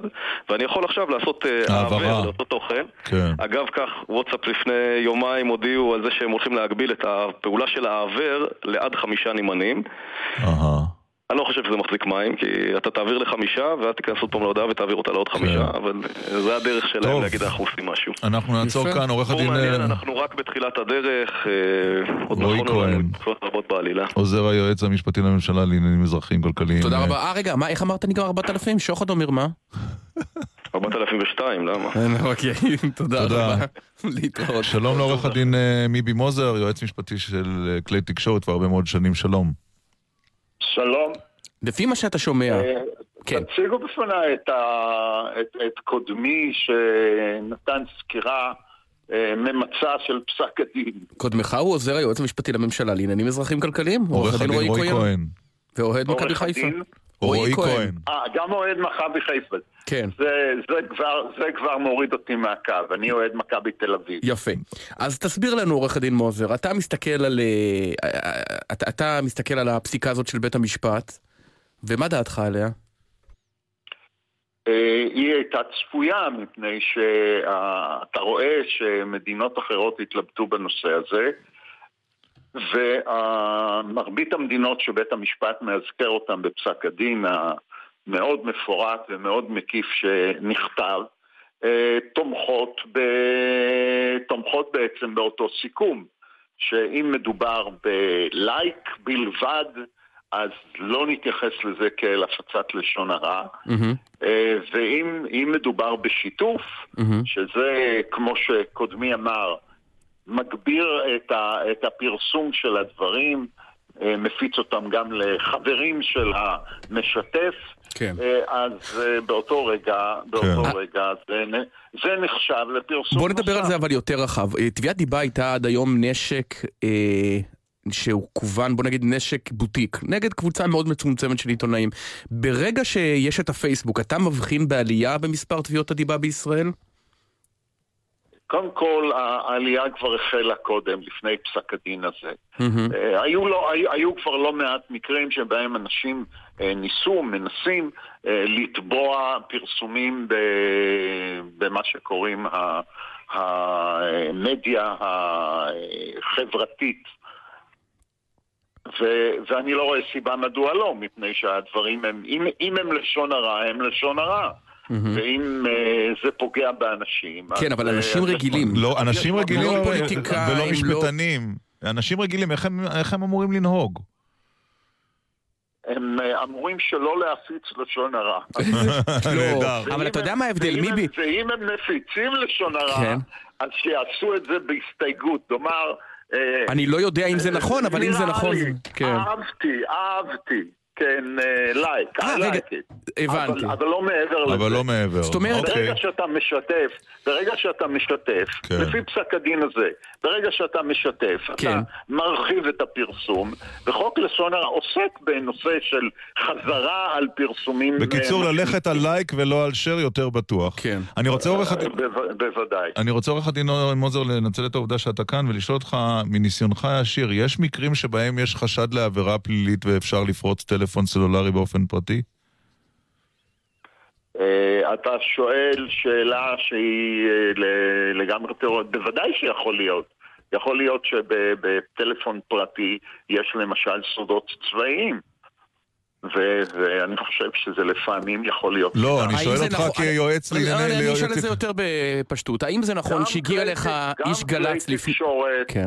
אני רוצה להזכיר לכם שגם כלי תקשורת מקבלים אה, לפעמים, אם זה בצורת אה, הדפסה או אם זה בצורה של אה, נניח אפשרות של, אה, של כלי אה, תקשורת אחר, מקבלים אה, חומר סודי גם בעניינים שלכל הדעות יש עבירה פלילית בהפצתם. לא, השאלה אם היית יכול, איך היית מגן על עיתונאי שהעורך או העיתונאי היה מורה ל- ל- לפרוץ את הטלפון בחשד שיש לו בו עבירה פלילית. אם היה אני טלפון. מציע, אני, מציע, אני מציע לו להתייעץ אה, במה מדובר, באיזה נושא מדובר, ואז לשקול אם באמת ה, ה, החומר שנאמר נכון. עלול להימצא בו הוא, הוא שקול כנגד האיסורים לעשות את הדבר אוקיי. הזה. מעניין, לא נתת תשובה, אבל לא יודע, מה התעריף לשעה בימים אלה לעורך דין בקליבר שלך?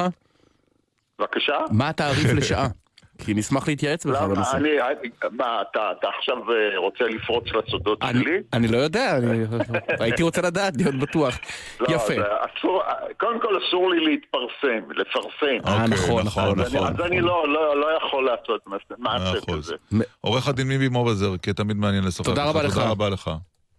תהיה בריא וחזק. להתראות. שלום לשר יריב לוין. שלום רב. כבר, אה, עברה כבר מזוודת הכסף? לא, לא שמעתי, סליחה את השאלה. יש שאלות אם- שעדיף לא לשמוע, פשוט. שאלתי אם כבר לא, לא. עברה המזוודה עם הכסף. אה, אני מניח שהכסף יעבור, ואם אה, נסתכל על העניין ככה בצורה יותר רצינית, אה, צריך לומר בגילוי לב. אנחנו אה, כנראה נאלץ להגיע בסופו של עניין לעימות בדרום, אבל האחריות של כל ממשלה וכל ראש ממשלה זה לעשות את המקסימום כדי להימנע מהדבר הזה. אה, וכדי שאם נגיע לעימות כזה, ידעו כל אזרחי ישראל שבאמת מדובר במלחמת אין ברירה ולא במשהו שאפשר היה למנוע אותו. אה, ולכן אה, נעשה ניסיון נוסף כדי להביא למצב שהעימות הזה יימנע. אבל ברור לך, השר לוין, שאם אתה, אתה וראש. הממשלה הייתם באופוזיציה לכל ראש ממשלה אחר, נקרא לו בשם קוד אהוד אולמרט לצורך ה...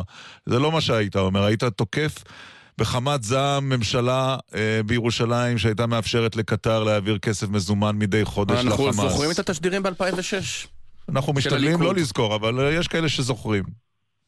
אני אגיד לכם אה, מה ברור, שאם אה, חס וחלילה השמאל היה עולה לשלטון ואנחנו היינו באופוזיציה. אה, היו אה, בעיות אה, כל כך קשות, גם ביטחוניות, גם כלכליות וגם מדיניות, שאף אחד בכלל לא היה... לא, אבל יש עוד דבר שברור, השר לוין, זה שלא צריך להאמין לדברים שאתם אומרים לפני. הבחירות.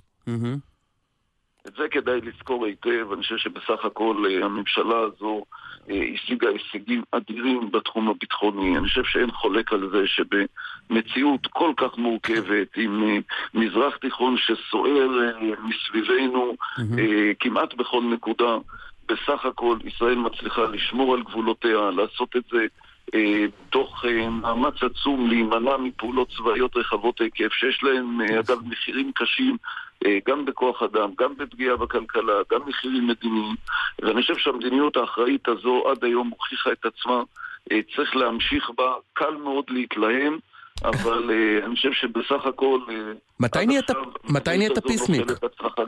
מתי נהיית פיסניק, השר יריב לוין? יריב שלום אה, לוין עכשיו. יריב אופנהיימר, זה לא יריב לוין. באמת, אה, אתם יודעים, אפשר מכל דבר לעשות אה, אה, גיחוך וציניות, אה, אבל אני חושב שיש פער גדול אה, בין אה, ניהול מדיניות ביטחונית אחראית. גם פער בין מה שאומרים לפני ואחרי.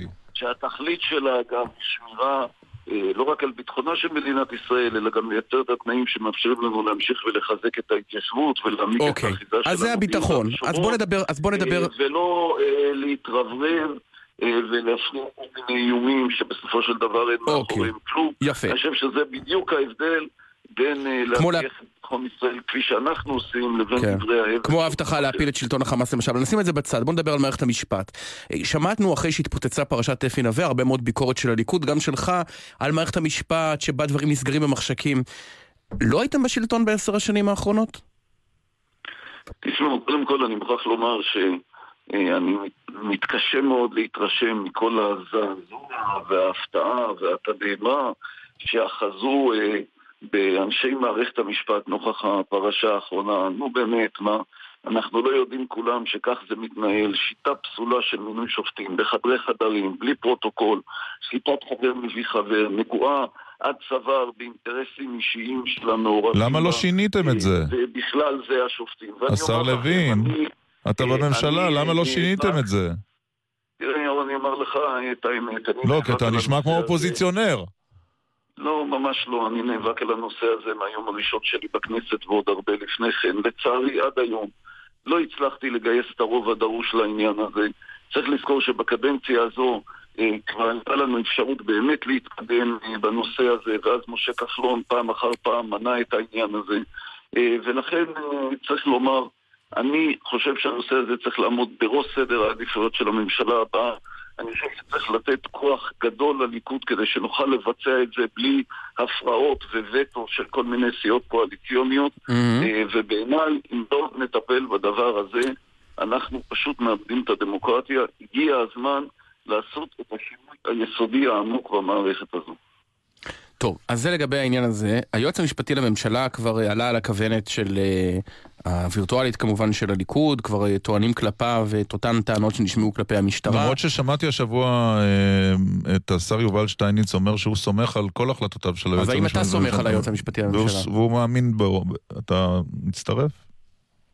מתרחש פה בעיניי תהליך שהוא תהליך חמור מאוד. תראו, מלכתחילה לא היה בכלל מקום לפתוח בחקירות האלה, שכל כולן אה, עוסקות בעניינים שבקושי נמצאים במישור האתי, בטח שאין בהן אבק פלילי, שיש בהם יצירת תקדימים עולמיים של אה, הפיכת היחסים שבין אה, עיתונאים לבין אנשי ציבור לדבר שנמצא במישור הפלילי.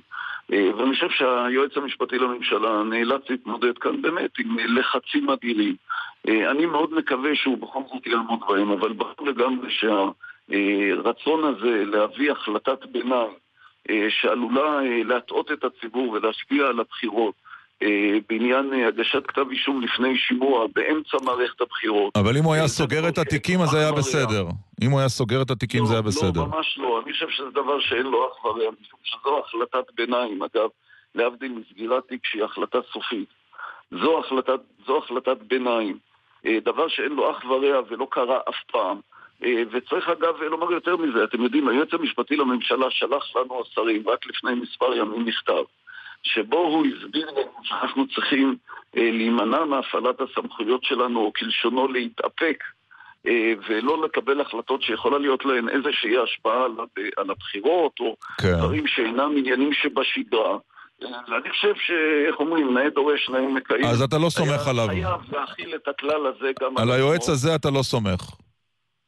אני אה, לא רוצה להיכנס לשאלה אישית. אוקיי, אני אומר חבל. שוב, אני חושב שהיועץ צריך להכיל על עצמו את אותם כללים שהוא אוקיי. אה, מכיל עלינו, ואגב, אולי גם באותה הזדמנות ישלח לנו איזשהו מדריך למתאפק, כדי שאנחנו אה, בכלל נבין למה הכוונה. לי יש חשד שכשאומרים לשר להתאפק, במילים אחרות אומרים לו, אם תקבל החלטות שנעות בעיני מערכת המשפט זה בסדר, כן. אז אתה מאופק.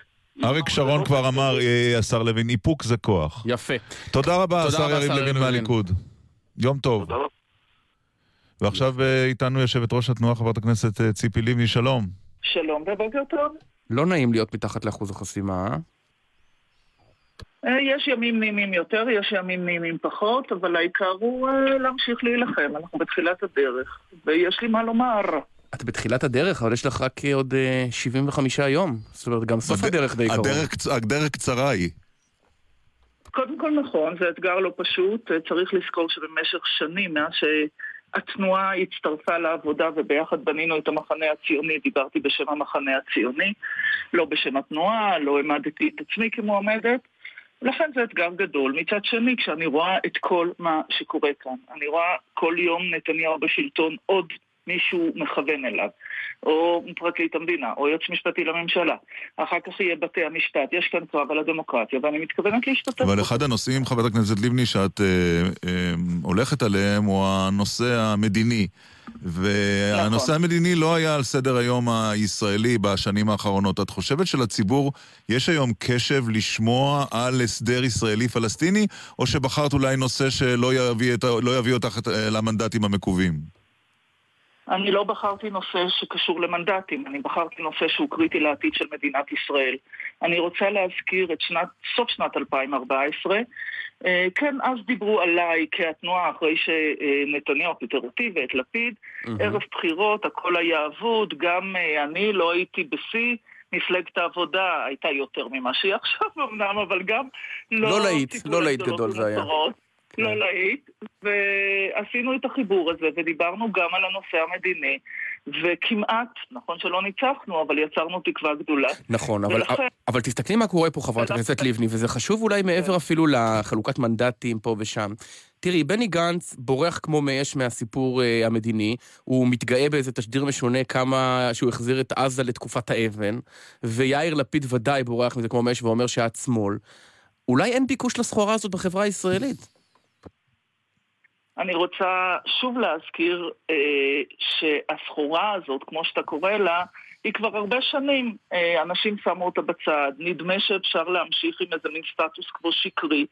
מצד שני, כשאתה רואה מה אה, שקורה בעזה, ואתה מבין שהממשלה הנוכחית, הימין, ימין הכי ימין שיש, לא מסוגלת לתת מענה גם ביטחוני. אני, תפקידי, לבוא ולומר לציבור, אני אה, בוודאי שמול החמאס אפעל בכוח, אבל אצור תקווה. אני לא משלמת פרוטקשן לחמאס. כן, אבל השאלה אם לא טעית. אני כן מנהלת משא ומתן. השאלה אם הציבור לא אני אומר, לא. לא, לא את אישית, הדרך שלך, ציפי לבני, וגם הדרך של אה, ההיסטורית של מפלגת העבודה, אין לה יותר ביקוש בחברה הישראלית. הציבור לא מסכים לה, והוא בורח לאזורי המרכז, שאיך אמר לא, בני עמית. גנץ, גם עוד 50 שנה לא יהיה שלום. עמית, אני מייצגת בדיוק את אותן עמדות גם כשהייתי יו"ר מפלגת המרכז הגדולה בישראל.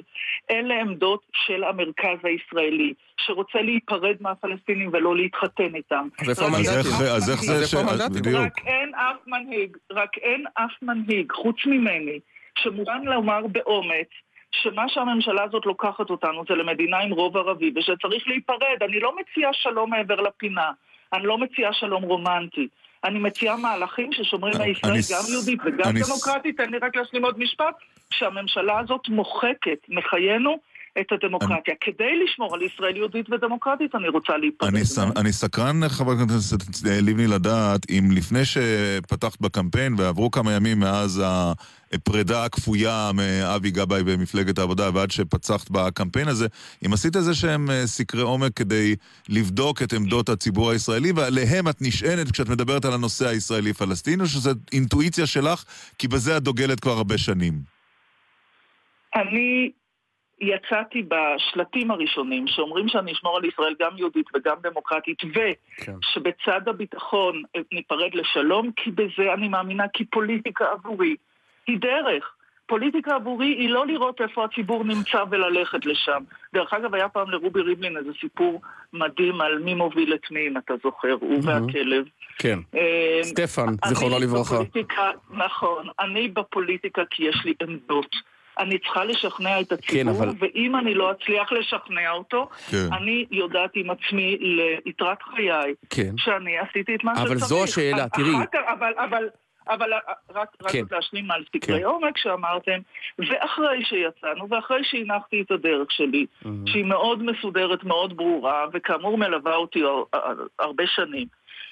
יצאנו באמת למחקרי עומק, וכשאתה מציג לציבור, דרך אגב, עם כל הטענות, הציבור, גם הציבור עצמו רואה את העמדות האלה. מאה אחוז, אבל השאלה, ציפי לבני, אם בעוד ארבעה שבועות... גם הציבור רוצה להיפרד. נכון, אבל בעוד ארבעה שבועות אה, תיסגרנה הרשימות. האם את רואה אה, במחשבותייך, ביום ובלילה, אה, אפשרות שבעוד ארבעה שבועות, או אפילו יומיים לפני הבחירות, תגידי, תראו חברים, ניסיתי, עשיתי כמיטב יכולתי, אבל אחרי 20 שנה אני רואה שהפעם זה לא הולך, וכדי שלא יתבזבזו קולות לגוש, אני לא רצה.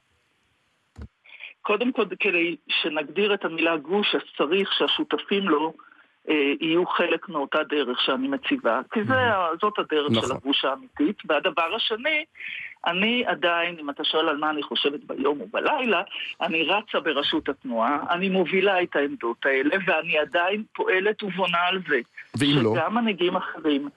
אני לא עוסקת באם לא, אני נלחמת. אוקיי. ואני פועלת כדי שנגיע לציבור עם קבוצה, עם צוות, שאומר בזה אנחנו מאמינים, אנחנו לא מתקרנפים, כן. אנחנו לא ממצמצים, אנחנו לא... מה חשבת על. הסרטונים של בני גנץ? אנחנו נלחמים עליה. מה חשבת על הבינה- לא הסרטונים של בני גנץ? אני, אני, אם יש דבר אחד שאני לא מתכוונת לעשות זה להיות אה, ביקורת, לא, אה, אבל ציפי לבני זאת- סרטונים או פרשנית פוליטית. לא, אבל זאת מהות. אבל זאת מהות, את דעתך, רואה את ה... דעתך. אמרת שאת לא בטוחה עדיין שיש גוש. האם בני גנץ הוא חלק מהגוש של המרכז-שמאל? בוודאי. בוודאי, בוודאי. לפי מה את קובעת? מה את אומרת את זה? כי הוא עד עכשיו אם אמר אתה 20 מילה. אם אתה מתייחס אה, לשאלה של הסרטונים שעוסקים בעזה, אני רוצה להזכיר לך שהסרטונים, מה שמראים הסרטונים האלה זה את הימים שבהם אני ישבתי בקבינט והנחיתי. אה, הוא בכלל לקח לך את הקמפיין הנסתר שלך, את לא, אומרת. אוקיי. לא, אתם, אתם, אתם רעים, פייר. באמת? אני, זה לא מה שאמרתי. שאלת הורה. ככה הבוקר עכשיו. ציפי, ציפי, זה הורה. שאלתי, יש מצב. אתם שאלתם אותי מה דעתי על הסרטונים, היה נדמה לי שיש כאן איזה... לא, אה, על המהות. סאבטקסט שאומר אם, אם, אם זה מפריע לך העניין שלה. אז אמרתי בוודאי שלא, כי גם אני זאת שנתתי את ההנחיות לעשות את זה, ולכן זה, אני האחרונה שזה זאת מפריע אומרת, לה. גם את תציעי אולי בסרטון, אני החלטתי את עזה לתקופת האבן, הצביעו לבני למען מדינה יהודית ודמוקרטית. לא יודע, יש משהו ממש משונה בסרטון הזה. כאילו, ה- כדי לקבל קולות צריך להסביר כמה בתים של ערבים הרסת? וכמה מחבלים נהרגו. עמית, עמית, אני מסבירה בסרטוניי כמה בתים של יהודים ואת הבית הכי גדול מכולם, את המדינה היהודית אשמור. ביחס לסרטונים של אחרים, אחרים אין לי להיות, אה, אין לי עניין להיות מבקרת. אוקיי. ואם את תסכולכם על זה שהוא לא עולה לשידור, אל תוציאו. את צודקת, אה, האמת האמת צודקת. היא, וזה את צודקת, אבל- חברת לפיד, הכנסת... רגע, ויאיר לפיד הוא חלק מהגוש? תגידי. כי הוא כן עולה אצלנו, לא- אז זה לא אני- מתסכול. תראה, כל אחד מההנהגות, ואני מצפה שכל אחד בכל חוגי הבית שכולנו הולכים אליהם, אני לפחות אה, עושה את זה הרבה, אה, ישאל את מי שבא לפניו, במה אתה תומך? האם אתה תומך ביהודית ודמוקרטית, היפרדות מהפלסטינים, או שאתה תומך אבל זה לא מה ששואלים, מה ששואלים זה האם תשב עם נתניהו או לא תשב עם נתניהו. בסוף נכון. הגושים נקבעים לפי לא אמרת ביבי. נתניהו. עוד לא אמרת את זה. זאת לא... קודם כל אמרתי את זה. את לא תשבי עם ראש הממשלה אני- נתניהו? אני- חושב שאני זוכר שזה... כי נכוונו ברותחים קצת ב-2013. לא, ב-2013 רציתי להיכנס לממשלת נתניהו כי קיבלתי את התנאים שרציתי, דהיינו לנהל את המשא ומתן. אוקיי. יופי, אז השאלה אם עכשיו הוא יגיד לך, תבואי לנהל. ל- אני נורא אשמח לענות על השאלה. סליחה, כי את צודקת, את צודקת. תודה.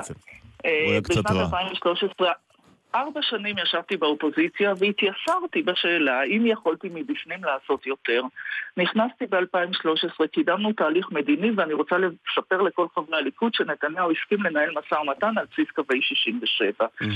ה- אה, מה שקרה מאז צוק איתן זה שנתניהו בבהלה מהימין ומהחשדות נגדו שהפכו כבר אותו כנראה לכתבי אישום, החליט להרוס, לחתוך ימינה, להתחבק עם הבייס, ועל הדרך להרוס את כל בסיסי הדמוקרטיה הישראלית, ולזה אני לא יכולה להיות שותפה, נקודה. אוקיי. אז ולכן, לא- לא תשבי אה, בממשלתו. ולכן זאת, לכן זאת עמדתי, אבל אני חולקת על התפיסה שאומרת, קודם כל הוא נבחר, עכשיו נחליט מי יצטרף אליו, הלו, יש לנו. אפשרות לעשות פה מהפך, וזו אחריות של כולנו, ואני חוזרת על משפט שבעקבותיו גבאי עשה את הדרמה.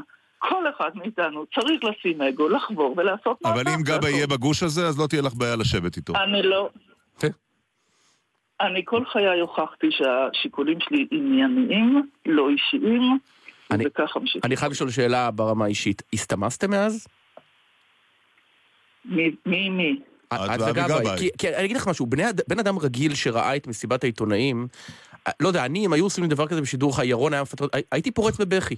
באמת, לא, לא היה קורה הי- לך. זה- זה פשוט אירוע נורא. היית מגיב בקור אבל רוח. הת- פוליטיקאים כאילו פתאום רואים, יושבים, לוחצים ידיים כאילו כלום, אז השאלה אם בכל זאת יש פה משהו לא. לא, לא, לא, לא, לא, לא, אין כאילו כלום. ממש לא.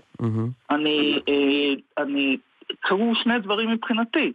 כעס גדול על השקר הגדול, וסוג של שחרור, לבוא ולעשות את מה שאני מאמינה בו. דבר שדרך אגב, אני הרגשתי כבולה בתוך ההתחייבות שאני כן. נתתי, ונדמה לי, עמית, שאפילו אתה זוכר שיחה אה, שלך איתי באותם ימים, שאמרתי, יש לי התחייבות. אז במובן מסוים שוחררתי באקט אה, מכוער. אבל החלפתם איזה... זה הבן אדם החלפתם אה, אותו, לא. החלפתם לא, איזו לא, מילה לא, או מסרון? כלום. לא, לא, נתק לא. מוחלט. אימוג'י. טוב.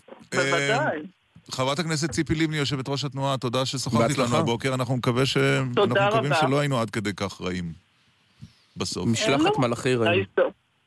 מה, לא, אני בדרך כלל אומרים שאני טובה שמרגיזים אותי, אז גם הוצאתם ממני את זה. אנחנו רעים במובן הטוב של המילה. תודה. רבה לך. יום טוב.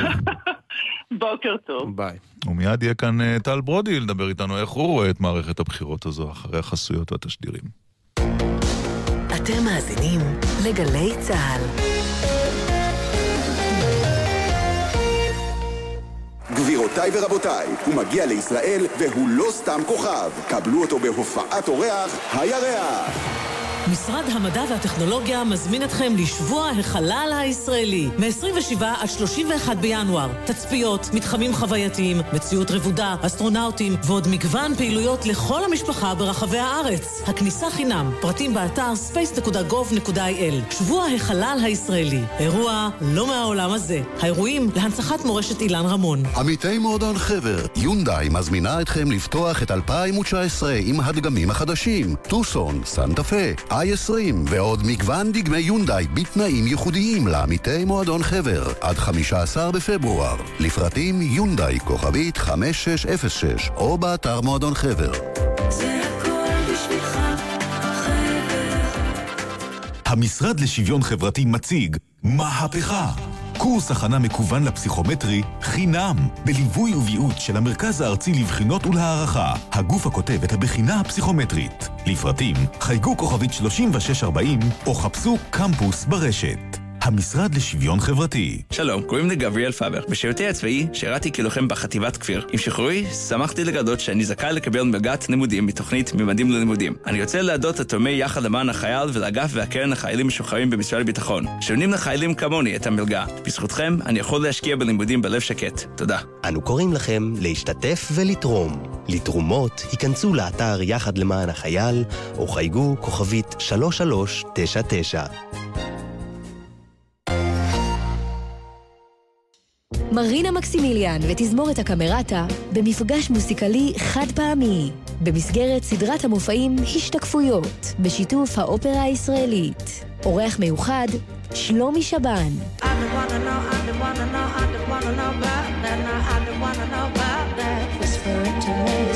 שני, שמונה בערב באודיטוריום חיפה ובשידור חי בגלי צה"ל.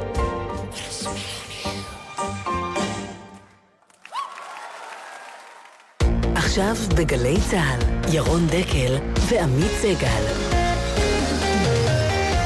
שנקרא עמית אה, שתי תגובות קצרות על ציפי לבני. אה, חיים כותב, אני ממש לא מבין אם ציפי לבני טוענת שהיא הכי מנוסה, הכי מתאימה, למה היא לא מעמידה או דורשת שהיא תעמוד בראש הגוש?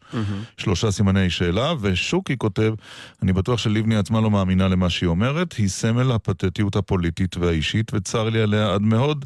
מצד שני, היא הביאה את זה על עצמה. נשמע לי שהוא לא יצביע לה. כנראה שלא. עכשיו איתנו עוד חתן אה, פרס ישראל.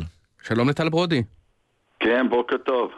אתה משקיף על המהומה הזאת מהצד ואומר איזה מזל שאין לי פריימריז עכשיו על הראש, או שיש לך צביטה קטנה בלב? אה, בוא נגיד, זה היה משהו לימודית מאוד בשבילי, הפריימריז מ-2008, אבל בסך הכל אני עושה את התפקיד שלי כמו שרציתי. עבר עשור. אתה מבין היום למה הפסדת לדני דנון בפריימריז? שמע, הוא נולד מתוך הפוליטיקה. אני החלטתי שלוש שבועות לפני, ה... לפני הבחירות, וכשהם אמרו לי, תשמע, טל, עכשיו אתה צריך ללכת לפריימריז וצריך לבקר בסניפים. ואני חשבתי מדברים בסניפים של מכבי קופת חולים, לא הבנתי שסניפים של יכול להיות. שזאת הבעיה. לא הייתי שם.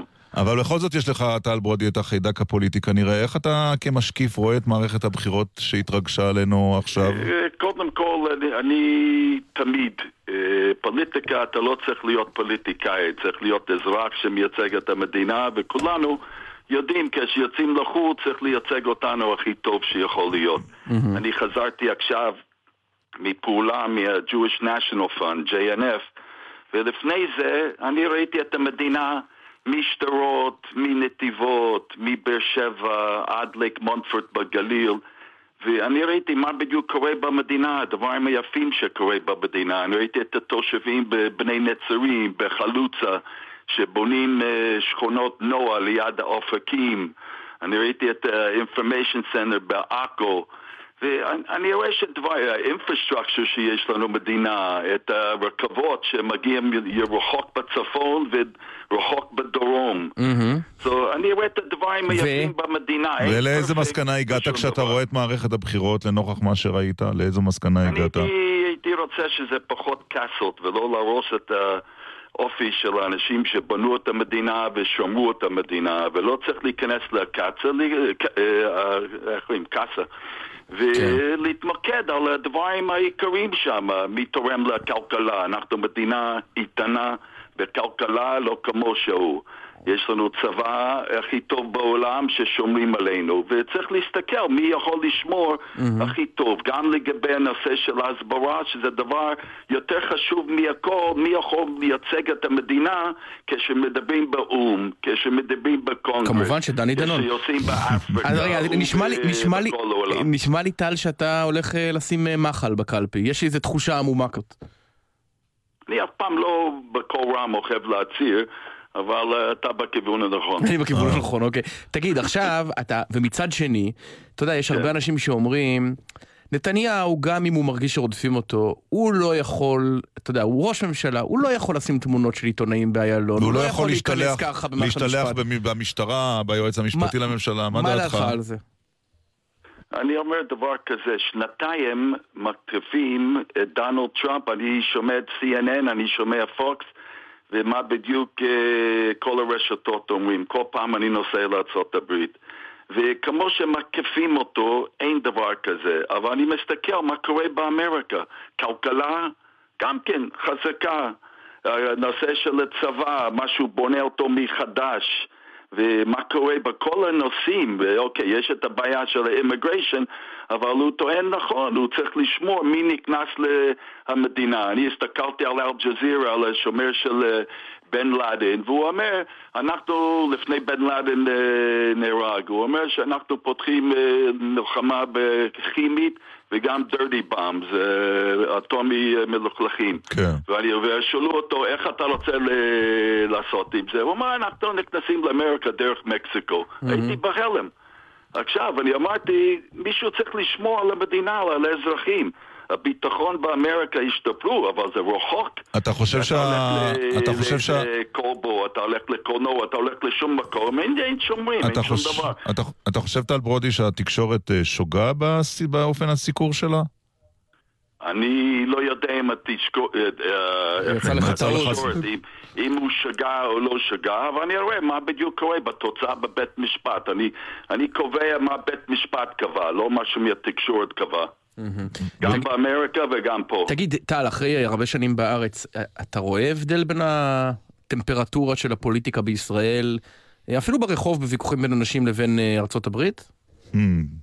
אה, בוא נגיד ככה, ההבדל בפוליטיקה אצלנו תמיד היה לפני הבחירות, בכלל שיש לנו מה, 26 או למעלה מ-20 מפלגות, so יש אה, בלאגן ויש, אני אומר, יותר מדי כעסות, אבל אה, יש. אבל באמריקה לא ראיתי משהו שיש כמו שהיום, זה אפילו לא יותר גרוע משהו ממשהו שקורה פה. טוב, את אמריקה צריך לחלק לפני טראמפ ואחרי טראמפ, זה לא אותה מערכת פוליטית. צריך להתחלק בין הדמוקרטים ורפובליקנים, אבל משהו שקורה שם זה, זה נורא. כן. כן. נכון, נכון. טוב, הם נהיו ישראלים כמונו. אה, טל ברודי, אה, תודה רבה לך. קפטן מכבי תל אביב לשעבר בכדורסל, חתן לא, פרס ישראל. משחק חשוב בערב. אה, אתה עדיין הולך. למשחקים? אתה- או אתה כן, צוחק? בוודאי. כן? אתה בא? כן. יש מנוי כן, חינם כן. עד זה לכל החיים, או שאתה צריך לקנות כרטיס? מה? לא, אני גם יושב. אני מוזמן גם ל board of directors, אני יושב ב board. אה, אז ודאי שזה היה. שווה, היה שווה. כן, היה כדאי. יפה. תודה רבה, טל. ברודי. בבקשה, שיחיה יום טוב. להתראות. ערב טוב גם. להתראות. עכשיו אה, אדם מן היישוב, אישה מן היישוב, שלום לרותם, צהריים טובים. פושטת של מס הכנסה. פושטת, מבקרת ניהול ספרים. אוקיי, אבל- בסדר. אבל את... אם היינו אומרים לה מבקרת ניהול ספרים, היינו חושבים שמדברים עם איזה רואת חשבון. אבל את האימה המזוקקת של אה, בעל דוכן או בעל מסעדה או ספר שאת רואה אותך דופקת על הדלת שלו במבט חשדני. כן, בוא נאמר שבעצם הפנים של מס הכנסה בהחלט אה, מחלקת ניהול ספרים. כן. מה שנקרא ביקורות פתע בעסקים בשטח. אה, כן, אז אפשר לקרוא לזה פשיטה, אפשר לקרוא לזה הפתעה, אה, ביקורות שגרתיות, תוכניות עבודה. יש לך, את, יש לך איזה מדים או תג שמזהה אותך כדי שידעו שאת זו את וזה לא בוודאי. התחזות? בוודאי, אסור חלילה ככה להתחיל ביקורת לפני שהזדהינו ככה גם עם התג, בשם המלא, מאיפה. אנחנו חייבים להציג את עצמנו בכניסה לעסק. בכל אופן, אה, מגיעים למקומות הכי פרטיים של העוסקים, ככה צריכה להיות הזדהות מלאה, ודאי. חוקר משטרה, אה, בקיצור. חוקר משטרה רגע, אומר אבל- שהוא יודע לז- לזהות תוך עשר שניות אם האדם נכון. שמולו הוא שקרן או לא. אה, מישהי כמוך יודעת לספר תוך עשר שניות אם האיש מולך מעלים מס או לא? חד משמעית, כן, אני לא יכולה להגיד אה, ישר מעלים מס, אבל בהחלט אפשר ככה לזהות מול מי אתה עומד, להכיר את העסק ממש ברגעים הראשונים שנכנסים, שנכנסים אליו.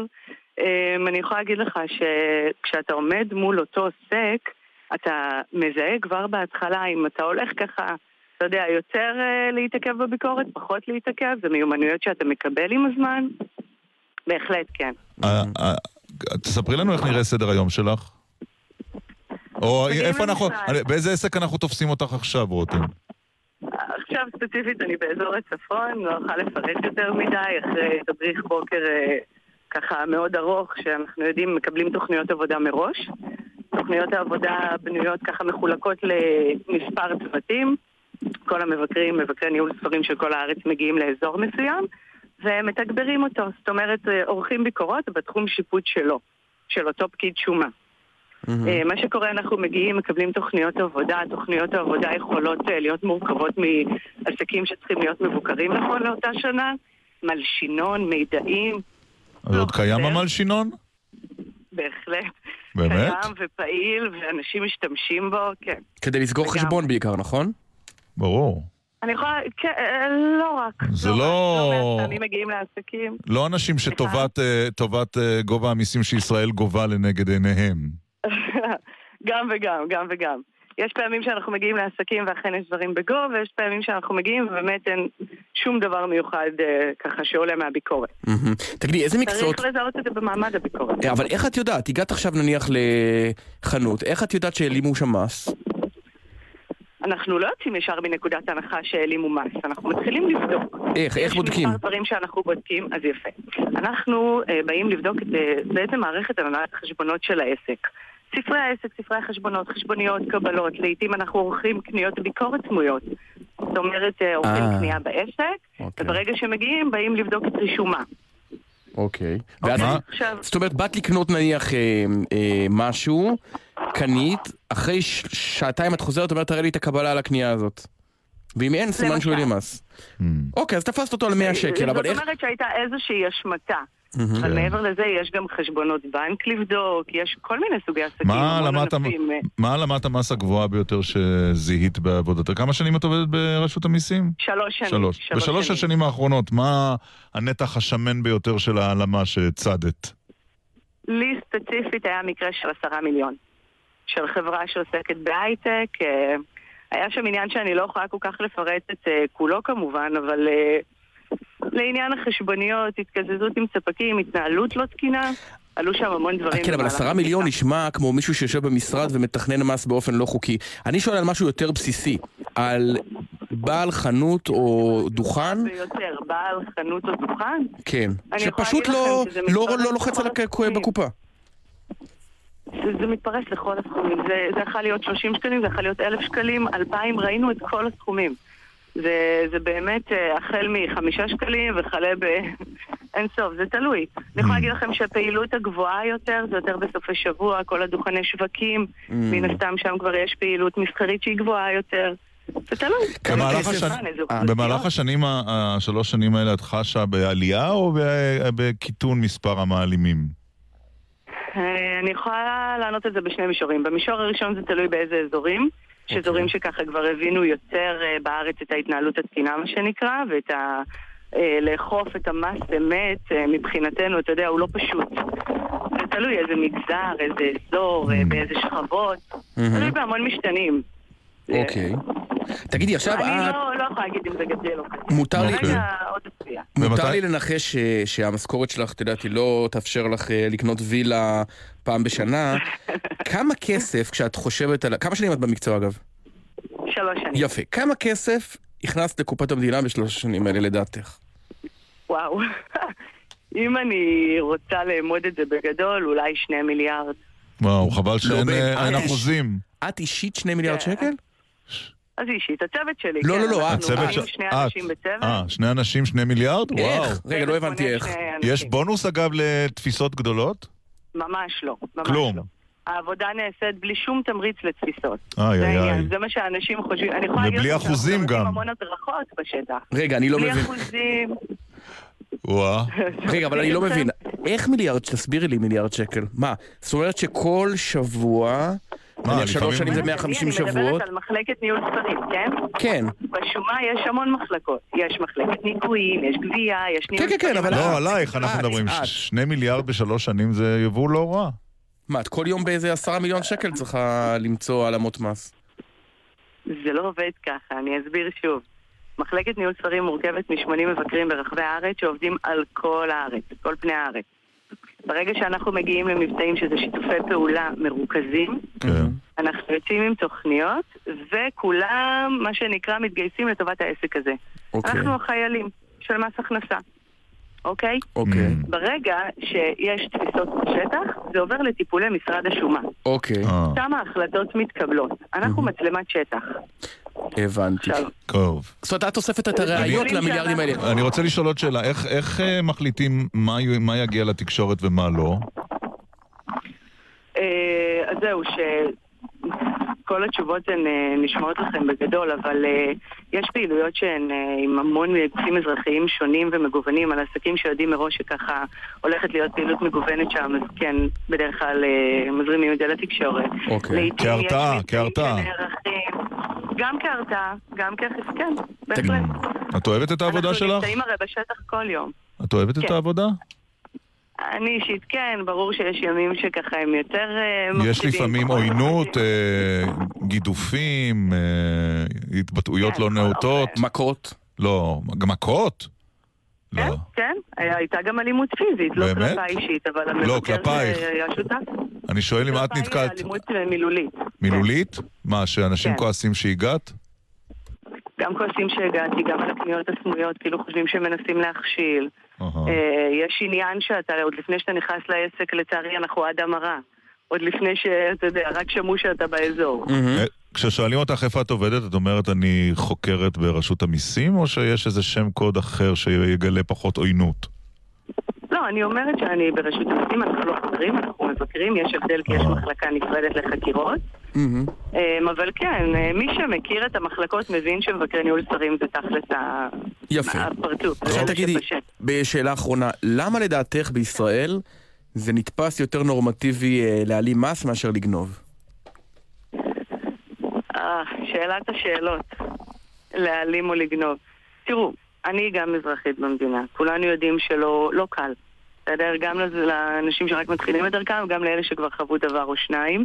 אני לא, אנחנו ממש לא חושבים שכולם מעלימים, ממש לא. אבל אה, עובדה שככה התוצאות מראות כך. זה קשה לי להגיד לך תשובה חד משמעית.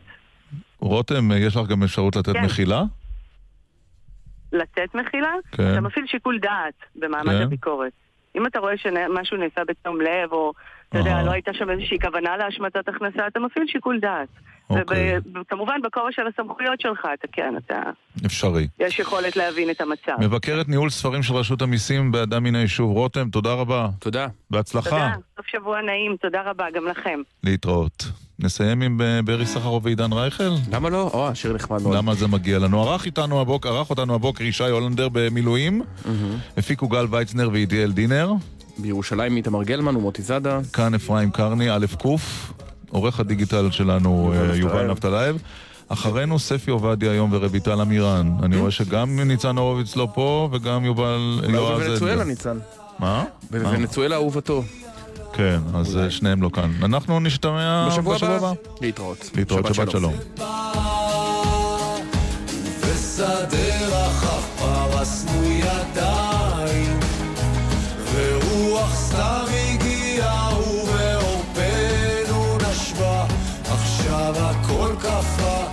למה זה מגיע לנו. ואיך זה שלא ראינו את זה בא? זוכרת פעם נגד הזרם חתרנו ונסחפנו שיכורים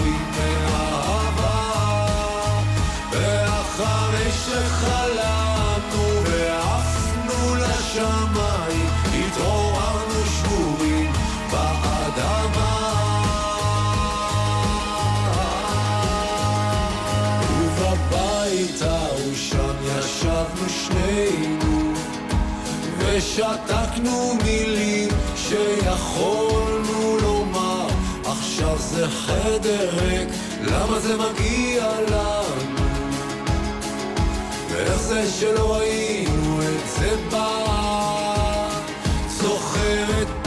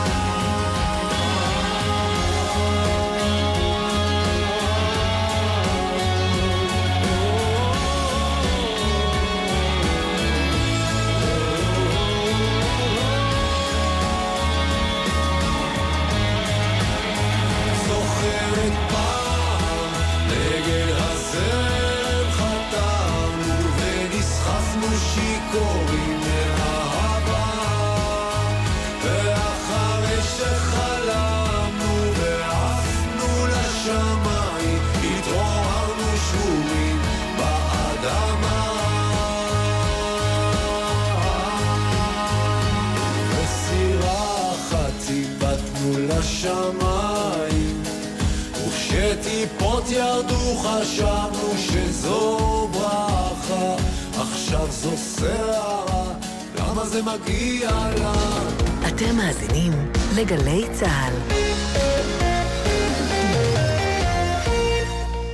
המשרד לשוויון חברתי גאה להציג פסטיבל אילת בשלייקס פלוס 24 עד 27 בפברואר ארבעה ימים של סיורים מודרכים הרצאות, הופעות ועוד המון חוויות. אירוח במגוון בתי מלון במחירים מיוחדים לאורחי אילת בשלייקס פלוס. פרטים נוספים במוקד לאזרחים ותיקים במשרד לשוויון חברתי. חייגו כוכבית 8840 או חפשו במרשתת שלישי בשלייקס פלוס. הפלוס של השבוע גם באילת. המשרד לשוויון חברתי מספר המקומות מוגבל. שיכון ובינוי במבצע דיור לעמיתי מועדון חבר בחלומות אור ים, הסמוכה לקיסריה. מגוון דירות על הפארק. כוכבי 9459 או באתר מועדון חבר. זה הכל בשבילך,